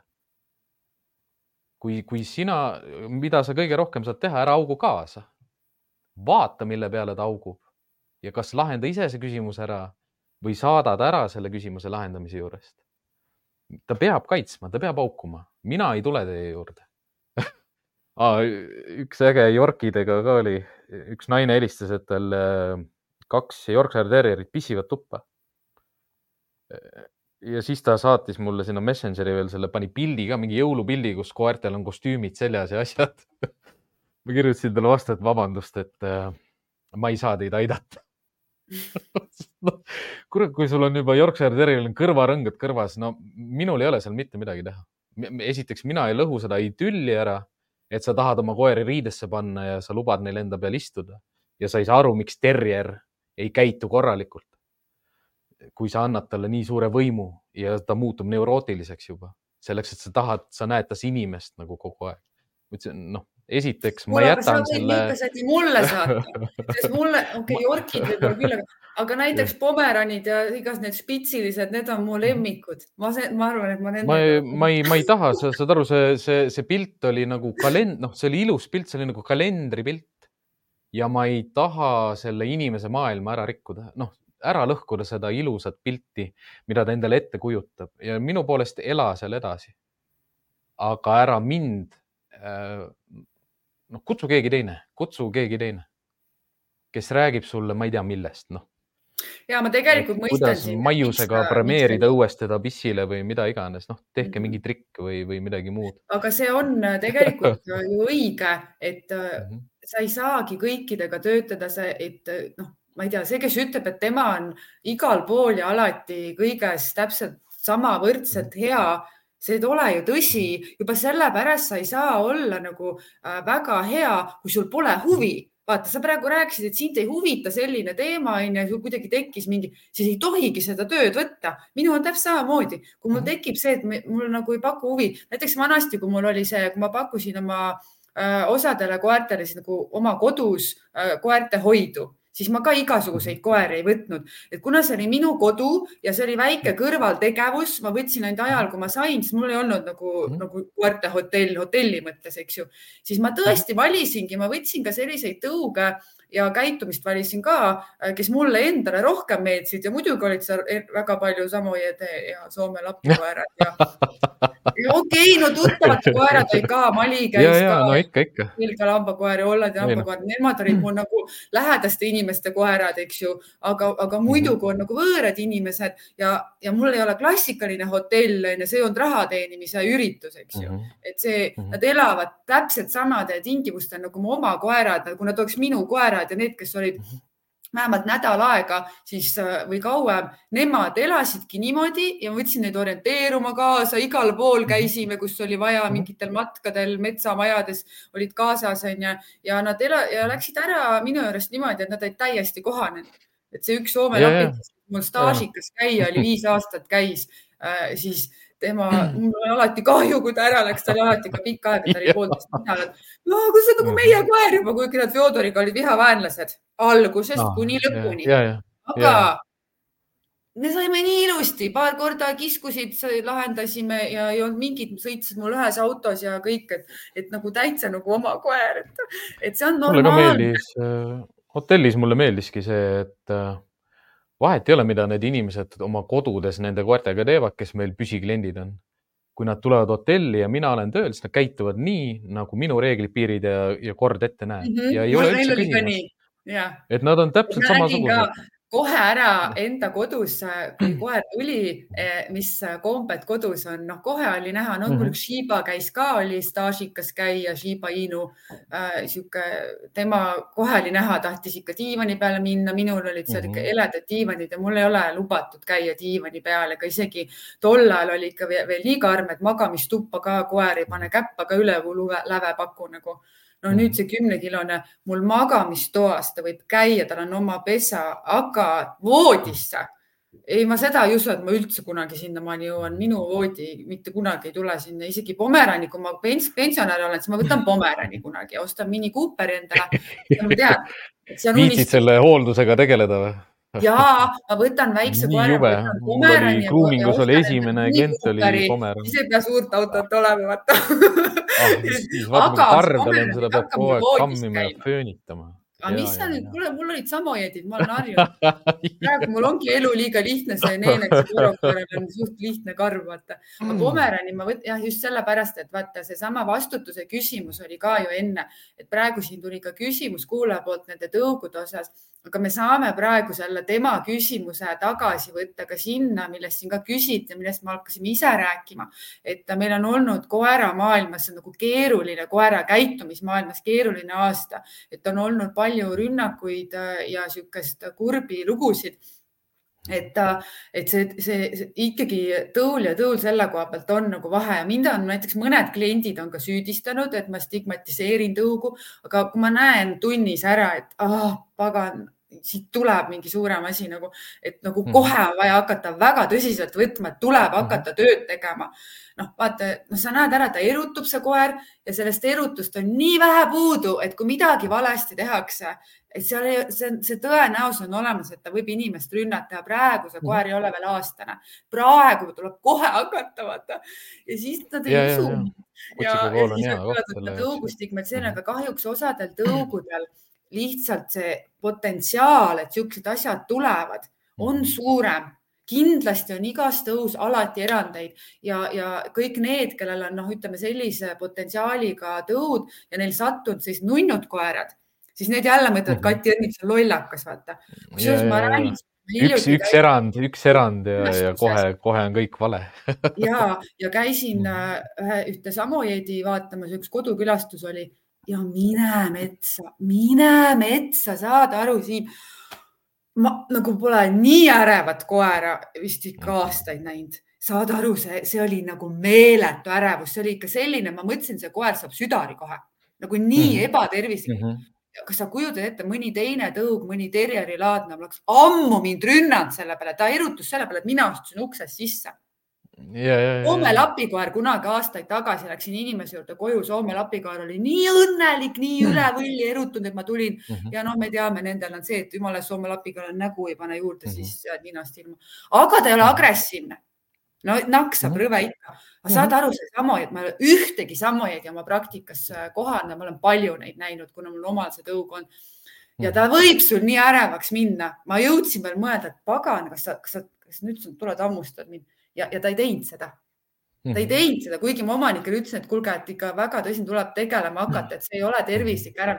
nii et noh, me ei saa selles mõttes tuleks ikkagi et inimesed peaksid ikkagi mõtlema, kui nad koera endale valivad, et äh, siin noh, on erinevus ja kui sa võtad omale ikkagi sellise tõu ja eriti, kui ta on ka suur koer, sest no tuleb ka siin mhm. vahet teha, väike versus suur on mm. väga õudne, kui sind ka väike terjer hammustab, onju, need jorkid oskavad mõnusalt hammustada ja spitsid ka. teravad hambad. ära, aga need lood, mis me siia, ta ei tapa võib-olla teist koera ära, eks ju -hmm. aga need lood, mis. saab ise surma.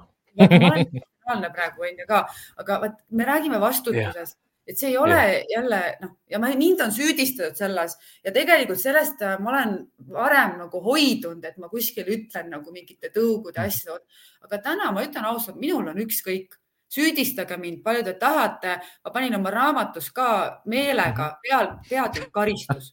oleks võinud panna negatiivne tagasiside, tagajärg arengut võimaldab. no mida, mida iganes ja, ja, ja. otse ja ausalt ei no ongi ja. see, et noh, mina ootasin palju otsesemat ja veel ausamat, aga noh, vaata oligi selline minu ootus ja, ja tegelikkus ei lähe tegelikult mitte kunagi kokku vaata sinule, sinu jaoks võib-olla ei ole ei olnudki seal raamatus ju nii palju, sest et sa ise elad mm -hmm. seda elu ja sa ise oledki selline ja puutud äh, igasuguste selliste asjadega kokku, aga, aga no ma, ma ju tean aastate jooksul olen näinud äh, erinevaid arusaamisi.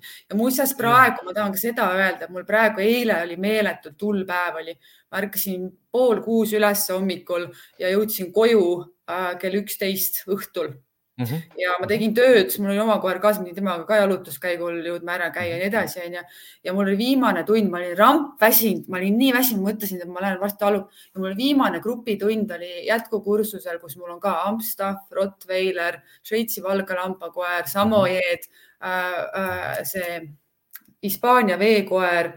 Kuldne retriiver, Shiba Inu, üliäge grupp, kõik erinevad. -hmm ja -hmm. ma olen nii uhke nende üle, ma kirjutasin ka üle pika aja selline grupp, kus kõigil on olnud areng eh, ja kus eh, meil oli väga libeda tee peal tänavatreening ja ma alguses kartsin, mis nüüd, Ida-Saksa lambakoer ka veel, suur kuueaastane isane, idakas ka neid on, nii et nagu väga äge grupp ja, ja ma ütlesin ka nendele inimestele, seal Rottweileri omanikule, hoidke lippu kõrgel, praegu te olete mm -hmm. nii mhm. tublid ja ma kogu aeg räägin, teil on noored koerad, treenige, jälgi neid märke, kõike, eks ju. Mhm. ja hoidke praegu nii palju lugusid äh, sarnaste tõugudega ka ja kust, kust see nagu tuleb, need lood on ju seotud nendega, eks ju et mm, -hmm. et hoidke kõrgel, näidake, et saab teistmoodi, sest see, kui meie sinuga siin targutame, noh, tead, ega need, kelle koerad hindamas käivad, need mõtlevad, Kati ja Siim on lollid, nad ei tea midagi aga need inimesed, kellel need koerad on, nemad elagu, minul ka pole endal sellist koera, eks ju, et mm -hmm. näit-, et saavad ette elada ja näidata, et saab teistmoodi ka. ma siia mm -hmm. lõppu räägin veel ühe ägeda, mis oli kaks nädalat tagasi mu oma koeraga ja Rottweileriga.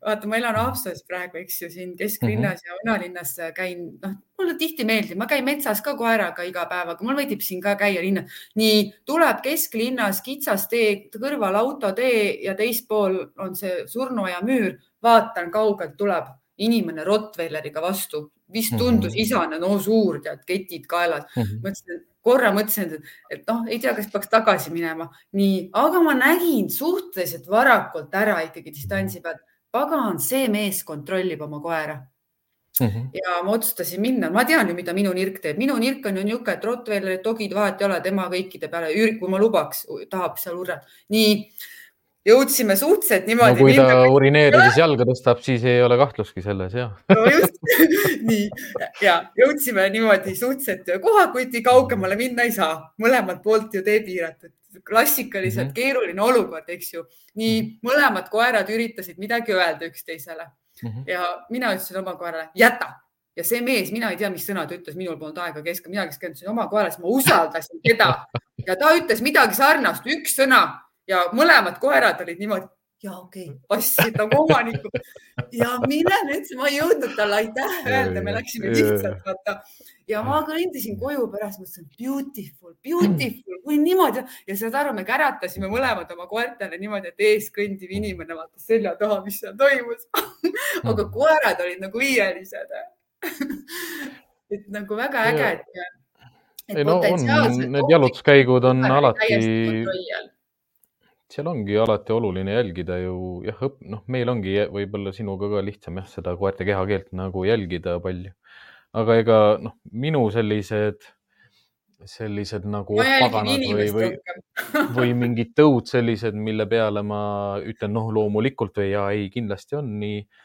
otseselt mul ei ole see kunagi nagu agressiooniga seotud, vaid mul on üldiselt, kui keegi kirjeldab mingit, noh, kirjeldab mingit käitumist, mis koeral on ja see tõug öeldakse, siis mul ei ole üldse kahtlustki nagu noh, see annab mulle rohkem nagu seletust selle kohta ka, et mida see inimene peab tegema, et see tõug selliseks muutuks.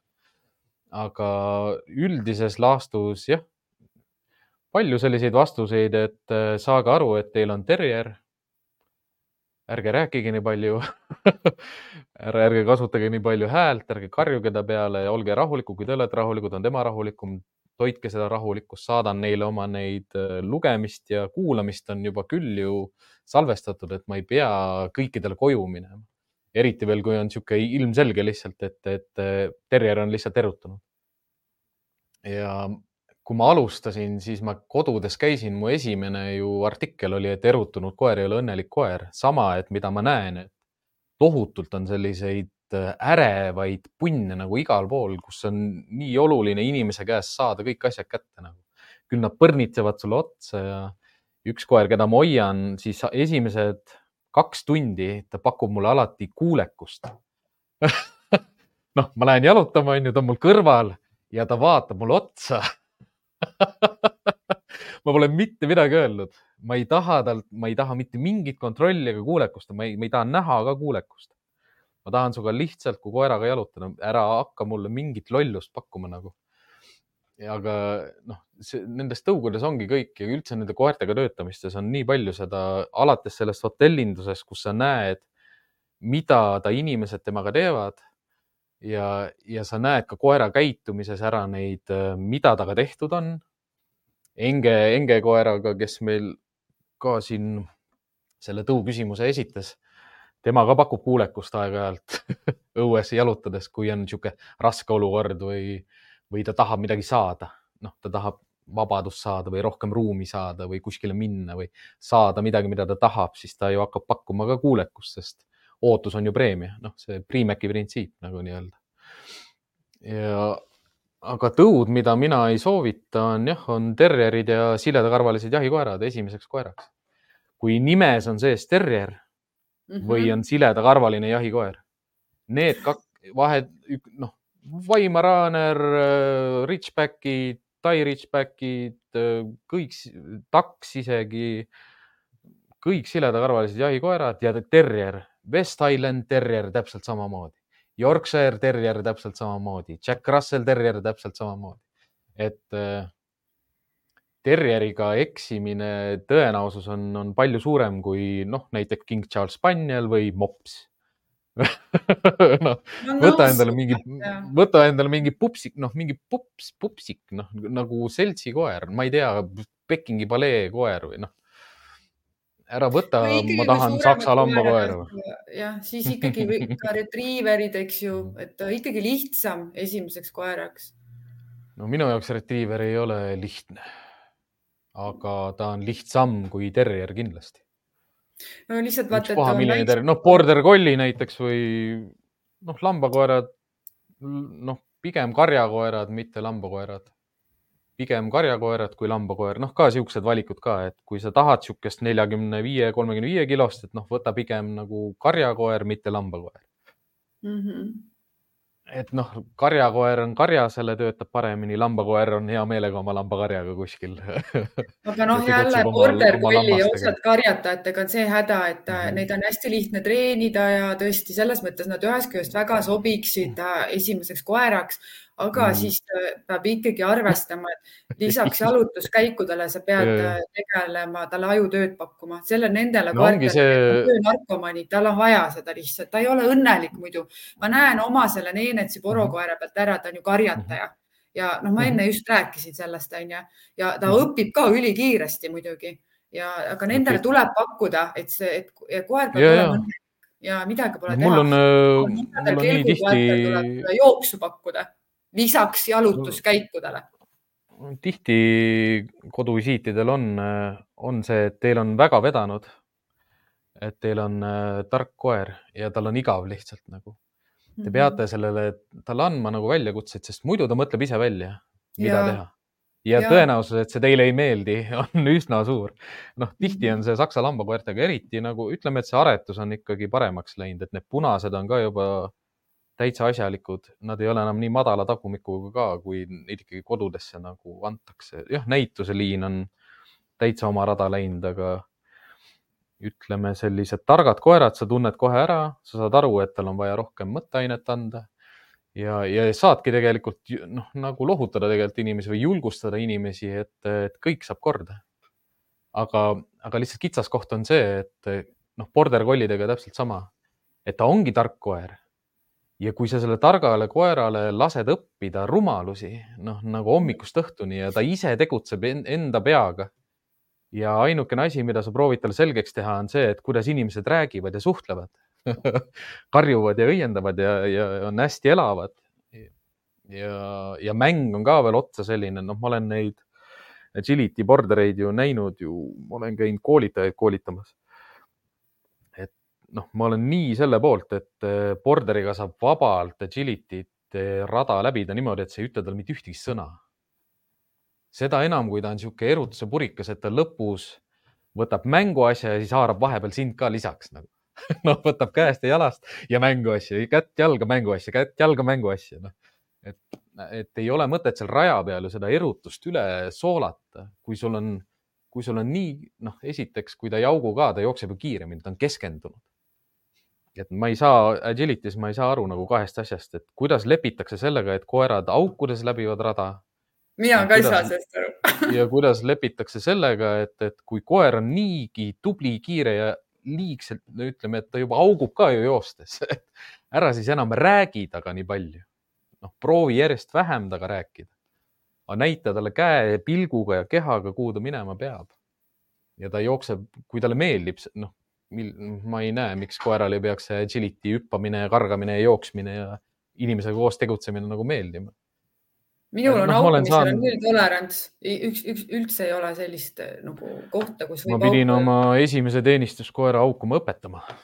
ta ei aukunud üldse, aga mul oli vaja no, no see on teine muidu, asi. muidu on niimoodi, et lähed koridori otsa ja siis noh, mis ma ütlen, et tulge välja, muidu ma kasutan koera, noh, kõik mõtlevad, et ah, ei, ei ole seal mingit koera, siis saad öelda hääl on ju, et tuleme, noh, osad tulevadki, osad annavad alla juba selle peale, kui nad näevad koera või kuulevad koera mm. -hmm tulevad ja ütlevad, et ärge, noh, ärge kasutage, ma tulen, ma tulen, annan alla, annan alla koeraga on tegelikult äh, avalikus teenistuses hea töötada, eriti noh, kui sul on hea koer niisuguse kontrollimatu koeraga või närvihaigega või niisugusega ei ole hea töötada. ja noh, sealt õpidki hästi palju ka tegelikult seda, kuidas koertega suhelda ja, ja mida teha ja kuidas teha kuule, ma nägin ju eile esimest korda mm. oma koera karjatamiskäitumist ja kui kasvataja mm -hmm. ütles, et äh, sellel ne Neenetsi koeral on äh, hääl on töövahend, aga ta haugub ainult siis, kui ta tööd teeb. vaata, ma olin mm -hmm. hästi skeptiline, sest samojeedidel äh, on väga suur klähvimisprobleem, onju. Nad ei tee vahet, nii kui erutus mhm. tuleb, kohe klähvib, eks ju. ja päriselt ongi nii, minu see Uma, ta ei haugu muidu. Ja eile juhtus niimoodi, et mul, ega ma põhjapõtru ei käinud karjatamas, aga käisin mm. üle pika mänguväljakul, seal on need agility mhm. takistused. talle väga meeldib -hmm. vaata, käi ja siis, kuna mul oli aega vaja parajaks teha, aga juhtus, et seal oli üks äh, minu kunagine õpilane oma koeraga, aga tal on vanem koer, üheksa, üheksa mm -hmm. See ei viitsinud yeah, nagu mängida ja siis ma vaatasin, jumal hakkas, tekkis selline nagu, ta hakkas karjatama teda ja haukus. ma esimest korda kuulsin niisugust haukumist oma koerale, ta üritas teda mhm. liikuma ajada täiesti. hakkas nagu ajama teda liigutama. see oli mhm. üheksa aastane nuuskis seal ja passis ainult meid, et andke nänni ja mingi niimoodi Aha. ja siis Uma oli niimoodi, et miks ta ei liigu aga muidugi me lõpetasime selle ikkagi mõistliku aja pärast ära ka, et ega tema asi pole seda teist koera karjatada, onju. huvitav oli aga see. ikkagi see käitumine tuleb sisse, jah mm -hmm.. ja, ja sellist haukumist mm -hmm. ja ma ei olnud näinud ja tõesti, siis kasvataja ütlus oli õige, et kui sa räägid tark koer või mitte tark, ongi tark koer, ta ju erutub mm -hmm. nende vastu tulevate koerte peale ka, aga ta ei haugu niimoodi, ta lambist ei haugu mitte kunagi mm. -hmm. kuigi ta on niisugune särtsakas tüdruk, onju mul tuli praegu selle karjakäitumisega meelde, ma nägin eelmine aasta, ei, selle aasta suvel äh, Ameerika Staffordshire Terrier pointis nagu pointer. päriselt või? ja, ja siis, siis mul oli küll niimoodi, et kurat, mida nad selle aretusega teevad et mik, miks seda pointerit veel sinna sisse vaja on nagu noh, kui see käitumine tuleb nii naturaalselt lihtsalt tõstab jala üles ja näit-, noh, ma viskan palli ja ta mhm. näitab mulle palli. võtsin nagu noh, koos omanikuga vaatasin, mis asja mida ta teeb praegu. see mulle koerte, koerte juures meeldib õudselt see nagu, kuidas nad õpivad, kuidas nende käitumine on seotud sellega, mida nad teevad. ja kuidas ma üldse koeri vaatan nagu, ma mõtlengi, et ühe asja ma, ma võtan su raamatust veel sisse nii, ma nüüd kutsusin tüke... teda ise, teda ja. ise kutsuti, ta ei nõudnud ja midagi. nüüd sa käskisid, mitte ei, mitte ta ise ei hüpanud jah. No... ma käskisin, ma olen nii halb inimene, vaata, ta on nii stressis praegu. Ja, ei no mulle meeldib see, kui koer läheb stressi, kui ta on inimese peal, sest üldiselt ta peaks aru saama, et ta on vale koha peal. vaata stressis, vaadake kõik stressis koer, mul kaamerasse ei mahu ära. silmad on suured nagu tõllarattad 哈哈哈哈哈 aga kas sa tead muuseas, tal on ka need nimetatakse neljasilmsed koerad, neenetsite Siberi rahva uskumus on see, et need koerad, ka need hallid ringid on silmade ümber, kellel on neli mm, -hmm. neli silma, nemad mm -hmm. äh, näevad vaime, nad suhtlevad vaimudega ja kaitsevad oma omanikku kur, nende kurjade vaimude eest ja nad on nagu vaimumaailmas tegutsevad. mina ei tea, kas see on tõsi või mitte, aga isegi kui see ei ole tõsi, siis mulle meeldib seda uskuda, sest niimoodi on elu mhm. huvitavam no, no mulle meeldib ka koeri vaadata rohkem sellisena, et nad ongi ju spirituaalsed. et koer ei ole, ei ole intellektuaalne, vaid ta on spirituaalne, ta on hästi selline loodusega ühenduses ja, ja tunne, tunnetusega loomad. ja noh, ongi ju see, et nad ei saa ju valetada ega mitte midagi. -hmm. ja ei noh mul ei ole, mul ei ole selle neljateist aasta jooksul, mille ma koertega tegelenud olen, sellist nagu, sellist olukorda olnud, mida ma ei ole osanud seletada, miks koer midagi tegi. aga mm, -hmm. aga selliseid küsimärke on tekkinud küll jah, aga nad on lihtsalt niisuguse mõttekoha andnud, et oota, mis praegu juhtus. aga nüüd ma tahan teada nagu, et mis sellega seotud oli ja lõpuks ikkagi jõuad selleni, et okei okay,, noh, et põhjus oli selles, ta tegi seda sellepärast ja see teeb nagu veel huvitavamaks selle käitumise. sest nagu, et mik-, noh, miks? ma ei ole kunagi näinud, et ma ei tea, talle meeldib kollane värv. miks tal nüüd järsku meeldib kollane värv? noh, et kus ta nagu õppis seda, et noh, mingi kollane asi, mis asi see võis olla või et kuidas ta lahendab mingeid probleeme. E, noh, uue nagu teistmoodi, kui, kui mina ei ole talle õpetanud niimoodi probleeme lahendama aga jah, üks selline asi raamatust, mis mulle jäi kriipima. ahah jääb, jääb elu lõpuni kriipima. mulle õudselt meeldib seda raamatut niimoodi uuesti lugeda, ma loen seda vahest diagonaalis nagu neid lehti. ja mul on alla joonitud hästi palju. ma seletan süsteemiga ära, mul on ühe joonega alla tõmmatud sellised asjad, millega ma ei ole nõus kahe joonega tõmmatud alla sellised asjad, millele ma tahaksin saada sinu selgitust. ja kolme joonega on mul alla tõmmatud sellised sõnad, eh, mis tuleks asendada teiste sõnadega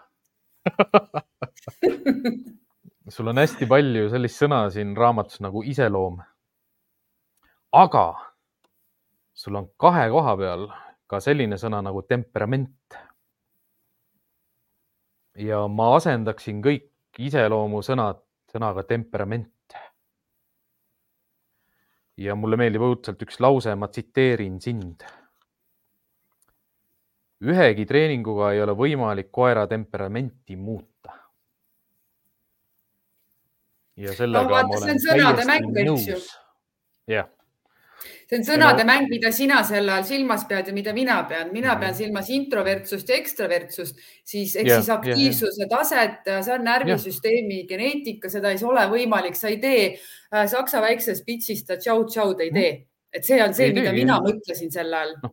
mulle meeldibki see, et, et mina räägin ka koerte temperamendist, ma räägingi ainult nende temperamendist, sest neil on temperament ja seda ei saagi muuta, sellega ma olen täitsa nõus, millega ma nõus ei ole, et koertel on iseloom ja, ja millega ma veel nõus ei ole, et koeri saab sotsialiseerida. koerad sotsialiseeruvad. aga kui, kui need asjad. keeleline värk siin praegu mulle tundub jah. ei, see on valdkonna mure. ma arvan ikkagi, et, et ta on nagu noh, see ka, mida sa ütled, et, et mul ongi raske ju raamatuid lugeda, sest et minu jaoks ei ole see valdkond nagu uus või teistsugune või vahepeal muutunud. ja noh, ütle ka mulle, kas ma eksin. Äh, kaks sellist mõjutust, mida ma tunnen, on äh, üks oleks nagu Gerard O'Shea, mingid sellised äh, majandamise nagu küsimused ja teine tugev selline koor, koolkond on see Liisbeth Borg de Vard? no muidugi ma olen ju nende mõlema juures õppimas käinud, aga no mis puudutab mm. Liisbeti koolkonda, siis sealt, ups, mummu, lähme nüüd aitab ja et seal, seal selle kooli nagu pluss oli küll see, et seal hästi palju anti just seda kehakeele osa, aga -hmm. seal olid äh, mitmed lähenemised, äh, mis, millest minule kindlasti ei sobinud, mida ma ei kasuta mm. -hmm ja mida ka sealsetes praktikates, noh, ma ütlen lihtsustatult niimoodi, et sealsetes praktikates, kui olid teised koerad kohal ja asjad ja Sandiga ma sain seal äh, nagu lulli lüüa ja olla mm -hmm. nagu heas kirjas ja Fjodoriga oli niimoodi, et ta ei teinud mitte midagi, lakkus ainult emase mhm. koera pissi, mul oli Stockmanni gurmeelett kaasas, mitte keegi ei saanud teda. Läksin õhtul koju, panin koova keti kaela, ütlesin nii, Fjodor, nüüd on nii see, et sa päeval seal said pissi lakkuda ja mingi rulli lüüa. nüüd on niimoodi, et sa teed nii, nagu mina ütlen sa saad aru, mis ma mõtlen praegu, onju? no mõnes mõttes saan jah, aga no nii drastiliselt lähed, lähed sealt äh, nagu Norra koolist lähed teise äärmusesse täiesti. et noh ega see ei ole teine äärmus, lihtsalt noh, vaata, mina olen sellise nagu noh, põhimõttega, et igalt poolt saad sa õppida seal Norra koolis oli see koerte kehakeel väga tugev. no tuuritruuga see mõjutus on hästi tugev seal. ja, ja see on väga oluline asi ja ega mm -hmm. mina sealt läksin veel edasi, mida ma ka seal raamatus kirjeldan, mida seal koolis ei õpetatud, kui ma läksin nagu tõugudele väga spetsiif-, mis on minu oma kogemus, eks ju. ja siis need. no seal lihtsad, koolis on, noh, praegu on seal neli levelit nagu, kas siis äh, sa läksid kuni neljanda levelini nagu välja või või siis veel ei mina olnud mina olin esimene lend tema koolis, ma ei tea, mis mm -hmm. ta mhm. praegu teeb. vaata, tõenäoliselt. siis ei olnud sellist süsteemi veel mm -hmm.. jah, ja vaata, koroonaaeg tõi ka hästi palju muudatusi ja mm -hmm. nad väga paljud -hmm. muutsid oma ja, ja muidugi mhm. Liisbet ise inimesena ja koolitajana tegelikult oli väga hea juba siis. ma usun, ta on täna mhm. veel parem ja noh, ka see, kuidas nagu oma koerte kooli hallata, kuidas kõike teha, seal õpetati seda poolt ka, eks ju, sest see oli koolitajate mm -hmm. kool, eks ju, mitte koeraomanike mm -hmm. kool, kuigi seal oli igasuguseid et see mm -hmm. oli ka seal päris hea, aga see, kuidas nagu ühe või teise koeraga nagu käitumuslikult noh, temaga koos olla, teda treenida, milliseid võtteid, asju, noh, ega see on mhm. selge, et sa ei saagi ühelt inimeselt kõike. mina võtsin sealt, mis ma võtta sain, ma saan Liisbetiga siiamaani hästi läbi ja mhm. kõik on hästi.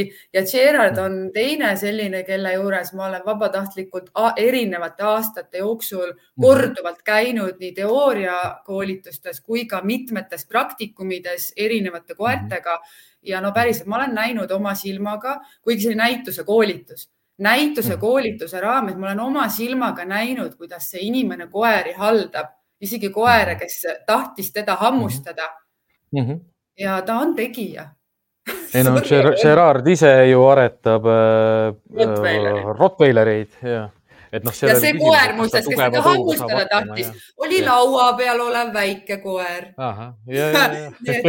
ta oli nii nunnu, kuidas ta nii mhm. rahulikult tema piire kõike, see koer kartis tegelikult, aga ta ikkagi mhm. suutis niimoodi, et ta sai oma asjad ära teha ja see koer tegelikult nagu lõpuks tundis ennast okeilt. -hmm. ja noh, seal olid igast asjad olid, et ta ei, mul, minule temale nagu meeldis, tal on igal Gerard, Gerardi loengul ma olen, Gerardi loengul ma olen käinud ja kaks asja, mis ma temalt nagu jagan teistele klientidele ka, on see, et your home is not a pub mm. -hmm. ehk siis, et su kodu ei ole pubi, on ju, et kus käib pidu ja asjad lendavad ja loobitakse kogu aeg. ja teine asi tegelikult, mida ma varem ka nagu rääkisin, aga võib-olla ma võtsin rohkem niisugust Gerardi nagu tõlgendust sellele sisse. mul ei tulegi praegu meelde. üldiselt noh, jälle Gerardi loengus nagu istud, siis sa saad aru, et äh, ta õpetab seda, kuidas koeri majandada nagu näitusele jõudmiseks. hästi palju need nipid ja trikid ja õpetused on seotud sellega, kuidas näitusel, mida on näituste ringis nagu vaja no eks ta tuligi, vaata no, see koolitus oli selle raames. palju ja, ja, aga mulle meeldib väga palju ka see just seda, oligi dog management seal mm -hmm. dog management'is oli, oli väga palju, oli ka seda niisugust nagu head loogikat sees.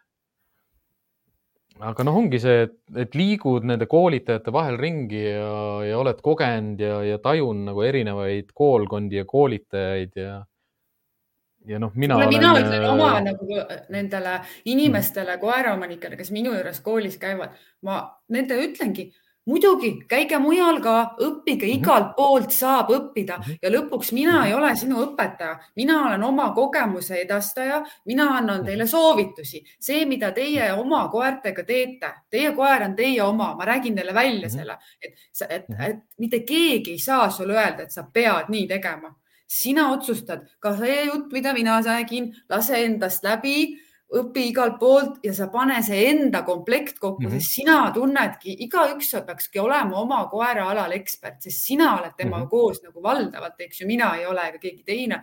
ja noh, mis veel Gerardi puudutab, valdavalt tema filosoofia mulle nagu sobib, ma olen sealt palju üle võtnud, aga mitte ka päris kõigega ma pole nõus, mis ta on nagu rääkinud et ka minu endi koera kohta ei no minu arust on nii, ta on nii äge nagu stand, see oleks nagu stand-up, mitte koolitus, et aga ta on ta äge ka, teda nagu, on huvitav ja, kuulata, vaata. ja, ja, ja, ja tal on aga ta räägib õigeid asju. noh, kui sa Rottweileri karjaga elad nagu koos, noh, sealt tuleb neid lugusid igasuguseid nagu. ja, ja seal on neid erinevaid temperamente ka sees just, just ei, noh, jah, ise ma mingiks aretajaks ei püürgi kuskil, loomulikult ma hea, ma, mu unistus oleks elada koerakarjas nagu, aga, aga noh, see ongi see, et et noh, praegu ma olen käinud nagu külas seal Nuf-Nufi seal puurivabas päevahoius. noh, mulle meeldib seal lihtsalt aknalaua peal istuda ja kohvi juua. noh, Pedro oli seal, Pedro on hästi huvitav inimene, temaga on hea rääkida. lihtsalt saad koeri vaadata. ja aga ma muutun nii närviliseks seal miks seal noh, sest see ei ole minu kari, mina ei või nendega teha nagu, ma ei või neile sellise, noh, ma ikkagi mõtlen selle peale, et need on klientide koerad, see ei ole minu asi seal midagi muuta või minna tegema, on ju, ja mis, mis kasu sellest on, kui, kui mina saan, mina ei pea nende, mina ei pea seal olema. ja siis, siis see tekitab nagu, nagu stress, noh, ma tunnen lihtsalt, et see tekitab stressi, sest see koer teeb seda, see teeb seda, mulle see üldse ei meeldi no aga noh, las ta olla. ja noh, seal on arenguruumi kihvt, kihvt, kihvt asi, mida tehti ja seal on iga kord nagu mis mulle kõige rohkem selle juures meeldib, on see, kuidas koerad muutuvad.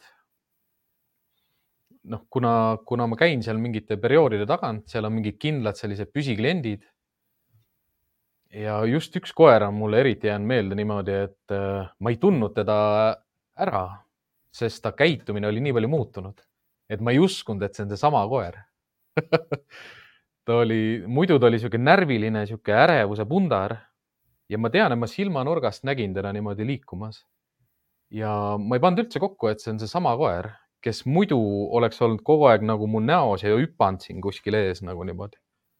et, et seal, seal teeb see, noh, see, mulle meeldib see karja, karja mõte, karja struktuuri mõte. Äh, see, kuidas karjas elada koertega. ja see tööd, noh, ma tean, et see töötab, ma olen näinud, et see töötab, see hakkab järjest rohkem tööle. ja see on ka see, mida nagu kõik võiksid kogeda. aga noh, kitsaskoht ongi seal see, et kui näiteks teha selline koolitus, et, et, et inimesed tulevad oma koertega sinna ruumi, siis see koolitus ei lähe tõenäoliselt väga hästi, kui oleneb lihtsalt sellest, mis suhe sellel inimesel oma koeraga on et kui see koer tuleks ilma oma inimesed sinna ruumi, noh, siis me saame hakkama sest kari paneb äh, kõik paika. aga kui, kui sinna tuleb see muutuja sisse ehk siis see isik, kes on selle koera oma või selle koeraga koos või selle koera kari, siis jälle see muudab seda dünaamikat justkui nagu kaks erinevat karja saab kokku jälle. aga noh, midagi saab, midagi, midagi nagu mõtetes liigub, et, et tõenäoliselt seal saab midagi sellist ära teha, kus inimesed saaksid kogeda seda koera, karja elu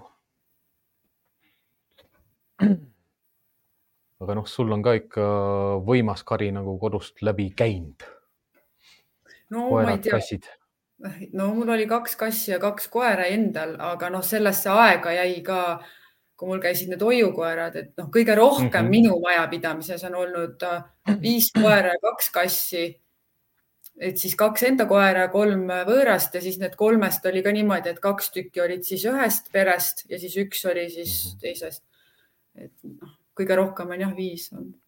et ma ei saa, ma ei tea, mul ei ole nagu mingit kümmet koera pole olnud, et niisugust mm -hmm. klassikalist koerahotelli pole kunagi pidanud et -hmm. alati ma võtsin ikkagi nii palju neid, et noh, see on nii suur vastutus, see on meeletu vastutus. minul oli ikkagi niimoodi, et kui mulle koer toodi hoiule, siis mul oli isegi kellaajalised kõik kokku lepitud, mul oli kalendriplaan niimoodi pandud, et tollel päeval mul üldse midagi muid ei olnud, mingeid muid töid mm, -hmm. asju ja alati oli tehtud, et nii see kell tuleb, ma tean, nüüd kogu kari läheb metsa jalutama mm. -hmm mitte kunagi. täitsa nagu Outlooki kalender või pigem märklik, kus on kirjas, et tead, et mis toimub. ei no selles mõttes mm -hmm. ma võtsin seda väga tõsiselt, et mm, -hmm. et kui ma võtan, siis ma vastutan, et see aidata sellel koeral mhm. kohaneda, mu enda koertel kohaneda ja see oli alati nagu lihtsam, et kõigepealt me läheme kõik koos äh, metsa jalutama, mitte niimoodi, et tuuakse koer, viskan koos enda koertega aeda ja siis lähen ise teatrisse oh,. jumal, ma ei taha teada, mis see oleks olnud minu Fjodor. see ei ole hea, see ei ole hea plaan jah. no tavaliselt, kui, kui ma ära lähen ja koerad üksi jäävad, siis nad ikka lähevad kõik eraldi ruumidesse. ja ei, mul oli ka või, niimoodi. noh, või noh, puuridesse jah. et puur pidi koeral küsimus... olema selge, see oli mul ka tingimus mm. -hmm. üks küsimus raamatu kohta veel. noh. Äh, kas sa teadlikult ei kasuta instinktide kirjeldamist oh,? ma ei, ma ei, kuidas ma vastan sellele teadlikult minu jaoks on koer. miks ei ole siin ühtegi sõna, sõna kui instinkt? Tõenäoliselt ühtegi, kuskil jahiinstinkt või saagiinstinkt kuskil mõnes kohas võib olla, aga tead, mina, mul on kõrini nendest instinktidest, sest väga paljud koolitajad just nimelt räägivadki ainult nendest instinktidest. koeral on instinkt üleval, tavainimene ei saa sellest mitte midagi aru, ma ei, ma ei pannud sinna eriti, sealt sisuliselt ei ole mingeid tähtsaid äh, teadlaste nimesid, mingisuguseid peeneid, desensibiliseerimine ja termineid ja mingeid mm -hmm. asju mm -hmm. ja siis mhm. toimetajaga ka, keeletoimetajaga hullult seal nägime vaeva, et kuidas siis ikkagi see domineerimine, et ma ei tahtnud seda sõna kasutada, sellega on nii mm -hmm. palju erinevaid mhm. arusaam, et, et see mõte mm -hmm. jääks nagu samaks et ma ei tahtnud. Mm, -hmm. ma võiks ka, ma mhm. võiks kirjutada, ma olen isegi EKL-is no... eksamil pidanud vastama kõik koera instinktid see ongi nagu noh, see ongi see, et, et äh, ma justkui nagu tahaks, et, et, et keegi ei oleks seda redigeerinud. Et kuidas, kas see raamat tuleb redigeerimata kujul ka välja või tead, kui vähe nad muutsid, nad vaatasid ainult lauseehitusi ja asju ja mm -hmm. no lihtsalt, et noh, ütleme vormistamise mõttes ka, et oleks peatüki algused ja pigem niimoodi, aga sellist asja küll ei olnud, et kuule, mis sa mingid instinktid siin räägid, et keegi ei tea seda mm, -hmm. selliseid asju küll piiranguid ei pandud, et pigem ka kõik need näiteks, kui on vestlused ja tsitaadid seal inimestega, mida ma osad panin mm -hmm. sisse, onju, kõik see mhm. jäi nii, nagu ta ikkagi oli mm, -hmm. et ainult komakohad ja mingid niisugused asjad.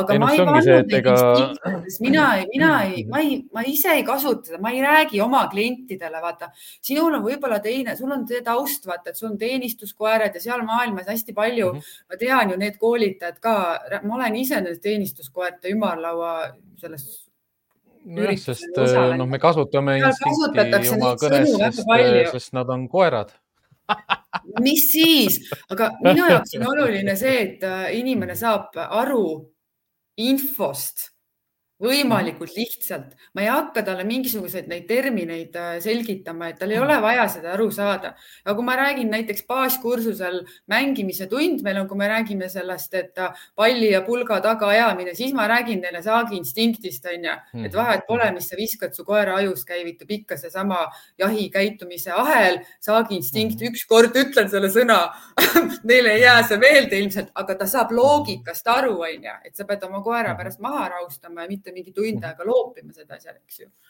noh, ma räägin sellistest asjadest, tal ei ole yeah. vaja teada seda, et aa, see on nüüd saagiinstinkt, see on jahiinstinkt, no tal on vaja aru saada, et kui ma loobin, siis ta läheb ärevaks ja siis tuleb jama maja et tuleb vähem loobida. mulle, mulle ei meeldi see, ma tahan, ma tahan, ma tahan sellist raamatut saada, aga noh, see oleks nagu minu raamat. no aga sina saadki kirjutada nii ei, ma ei, nii häid, see aasta on olnud märgiline ju selle poolest ka, et väga häid raamatuid on tulnud. Ja, ja noh, raamatuid lugedes ongi ju see, kogu aeg käib selline mõttekõlks käib nagu peast läbi, et äh, väga hea, ma ei peagi kirjutama, väga hea, ma ei peagi kirjutama. kuule, ma võin sulle öelda, et vist tuleb varsti veel üks raamat koera käitumise mm -hmm. valdkonnas, aga mitte minu sulest äh, lähiajal mm. -hmm. vähemalt ma tean, et üks koolitaja kirjutab, ta ütles mulle vähemalt, aga no ma ei, ma ei tea, millal tal ilmub ja, ja millest täpselt ta kirjutab, ma ei tea, aga tema kirjutab kindlasti instinktidest mm, -hmm. ma olen sada protsenti kindel, sest ta on mulle, selle. mulle meeldibki, noh, ta on ka koerte valdkonnas kuule, ta on staažikas koolitaja kui meie sinuga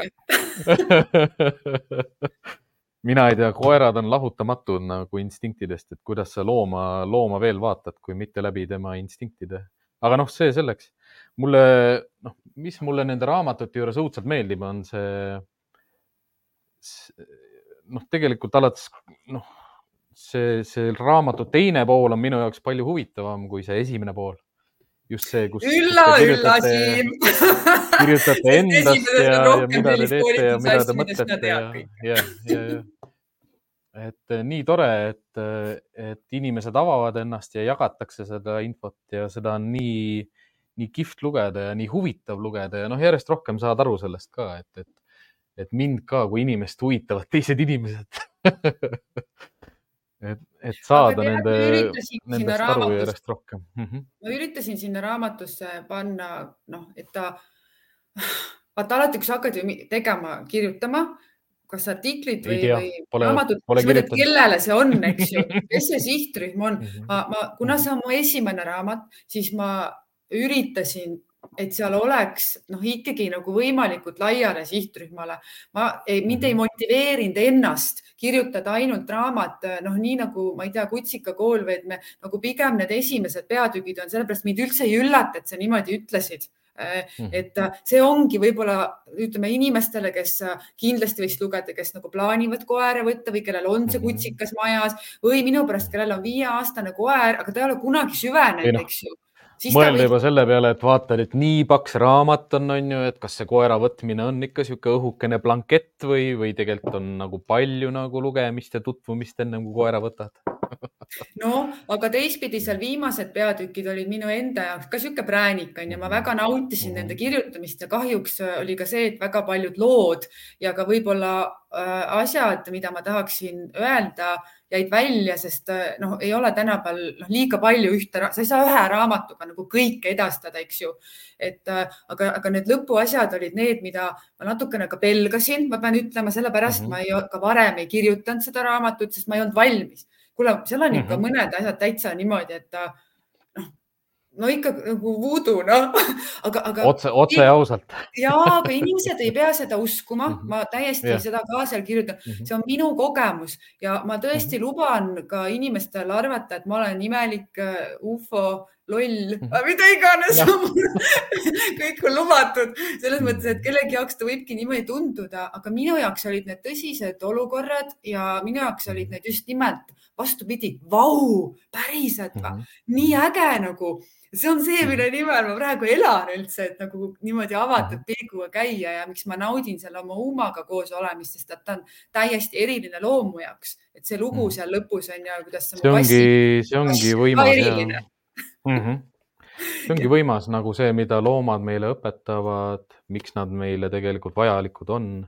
mõnes mõttes tahaks ju seda edasi anda kõigile niimoodi, et, et noh, kogege ja tajuge seda ja võtke seda ja nagu noh, mulle siin tuli see kommentaar, et väga meeldis see surmateema, mulle ka õudselt meeldis see surmateema või üldse lahkumiste teema või ja see, see on ka väga niisugune mõnus spirituaalne siin.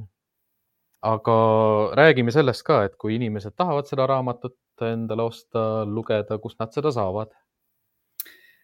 panin just ülesse eile, ei üleeile oma mhm. kodulehele muidugi raamatupoodides ka igal pool müüakse, aga kes tahab saada äh, minu väikse illustratsiooniga -hmm. pildikesega, mida ma olen ise mhm. joonistanud ja see peal, pildi peal on teatud tegelane, kellest te saate sealt raamatust lugeda, ma ei ütle, siis on huvitavam, kes see küll olla võib on. seal, et kõik ja. minu käest ostetud raamatud tulevad sellise pildiga. et minu oh. kodulehelt mhm. www.koertekoolitus.eu saab seda osta mm. -hmm. Mm -hmm nii et äh, kellel veel ei ole jõulukinki või kellegi sussi sisse midagi pakkuda, siis minge uurige, soovitan kindlasti, ta on hästi põnev lugemine, ta on mitmekülgne raamat ja ta seletab äh,